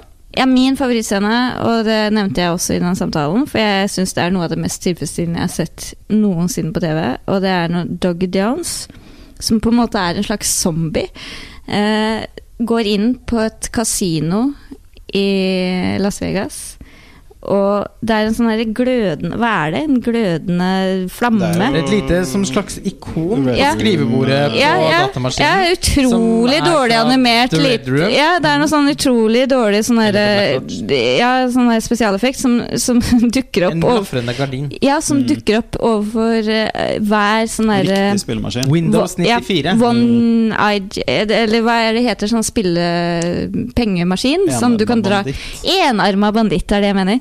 Eh, og hver gang han drar ned den, så vinner han penger. Og jeg vet ikke om det er fordi jeg er barn av eh, kapitalismen, Kasino. eller hva det er. Eller kasino. Men jeg bare Det er så tilfredsstillende. Jeg blir så glad. Jeg kan se det der så mye. Jeg Og da er spiller det ingen rolle at ingenting av det du ville Det du så fram mot i den serien nei, nei, nei. Nei. Den scenen, det er alt. Alt fungerer for Doggy Jones. Ja, Det var jo litt som om et av de ananasene sånt på den spillmaskinen Det er bare ananas.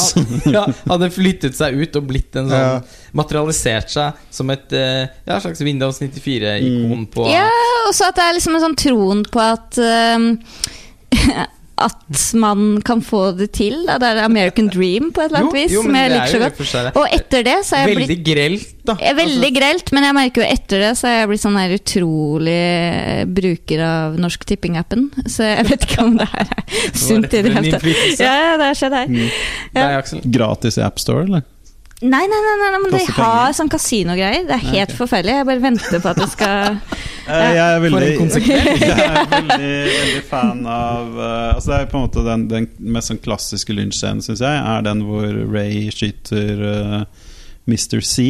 Og i episode åtte, og alle disse uh, Woods-mennene kommer fram og har dette liksom veldig forstyrrende begravelsesritual for han. Og så er det den scenen i det er vel episode 18 hvor du har dette eh, Som fortsetter fra episode 17, hvor hvor Cooper liksom er tilbake i Firewalk med de og leder prøver å lede Laura ut av filmen. Og så er det dette liksom eh, Det var om, omvendte Orpheus Evridyke Ja, for det var ganske det, Isolert sett så syns Ja. jeg det var ganske gripende. ja. Selv om jeg ikke likte det Twin Peaks mytologisk sett, ja. eh, så, så likte Nei, men jeg begge, i begge, de to, begge de to er liksom scener som du kan sette opp mot hva som helst, syns jeg. Så, ja. Og du da, Lars? Nå er vi spente. Ja Nei eh, Jeg blir nok den mest konservative i denne sammenhengen, da. Jeg, jeg syns jo de Jeg, eh, jeg syns de beste scenene fortsatt egentlig er å finne i de to første episodene, da. Eh, den scenen hvor de to sitter og stirrer på denne boksen, f.eks., Mm. og, og forspillet. Er det et ønske om å fortsatt ville vente? Altså, Ja, men altså virkelig Det er sånn Det er bare David Lynch i hele verden som kan lage den scenen så dirrende og så pirrende Mm. som den er. Eh, og eh, bare hele Det at man sitter og stirrer på den boksen og forteller at ja, det er, altså, det er visst noen som har sett noe der, men jeg har vært her i uker, jeg har ikke sett noen ting. mm. Og vi skjønner at vi skal få se noe. Og det å sitte og vente på det, og den genuine sjokkeffekten han likevel klarer å mane fram da når det kommer, det syns jeg var helt fantastisk. Og scenen med denne barneskolelæreren, eller skolelæreren, som får beskjed om at han har uh, drept sin elskerinne. Ja. Og så sier han Ja, men jeg, jeg har drømt alt dette. Jeg vet det, men jeg har ikke gjort det, for jeg vet at det var bare noe jeg gjorde i drømme. Og så sitter han der med de We were gonna soak up the sun. Ja, og sier bare Nei, men du, du er nødt til å forholde deg til dette, for det har skjedd, og dine fingermerker er overalt. Mm. Og det er på en måte ikke noe som kan motbevise at du har drept elskerinnen din. Mm. Samtidig som han vet at det ikke er noe han har gjort i våken tilstand. Eh, som selvfølgelig er et ekko fra Lost Highway, da. Mm. Men eh, tilfredsstillelsen over å se at David Lynch fortsatt klarer å mane fram den Paranoiaen. Van, ja, Ja. den vanvittige paranoiaen eh, som gjør at man selv nesten blir redd for å legge seg om kvelden. Men også, men også tenk, tenk på liksom på. Tenk på det, det er jo et veldig godt eksempel på det du snakka om tidligere, om, om hvor mye som bare lanseres og aldri følges opp. Altså dette Ja. dramaet mellom han og kona hans, og den konekarakteren som har lurt han inn i altså, sånn, det, er, det, det, det er kjempegodt. Det er sånn klassisk lysdrama. Så sånn Nei. Skutt i øyet, aldri sett igjen. Nei. Kan vi også snakke om pur cinema, eh, som vi har vært inne på, denne scenen med Eksorsistbarnet. Det er noe av det skumleste jeg har sett Ja, det var på så lenge. og at han har denne evnen til å gjøre ting så skummelt. Ja, det har han, og det Ja. er jo virkelig noe han ikke har mistet. da Mm. og, og følelsen av å Eller Men etter, jeg bare blir sånn genuint kvalm Ja. og forstyrret av etter 1000 David Lynch-etterligninger, så Yes. er det ingen som er David Lynch. the original and still the best. Mm.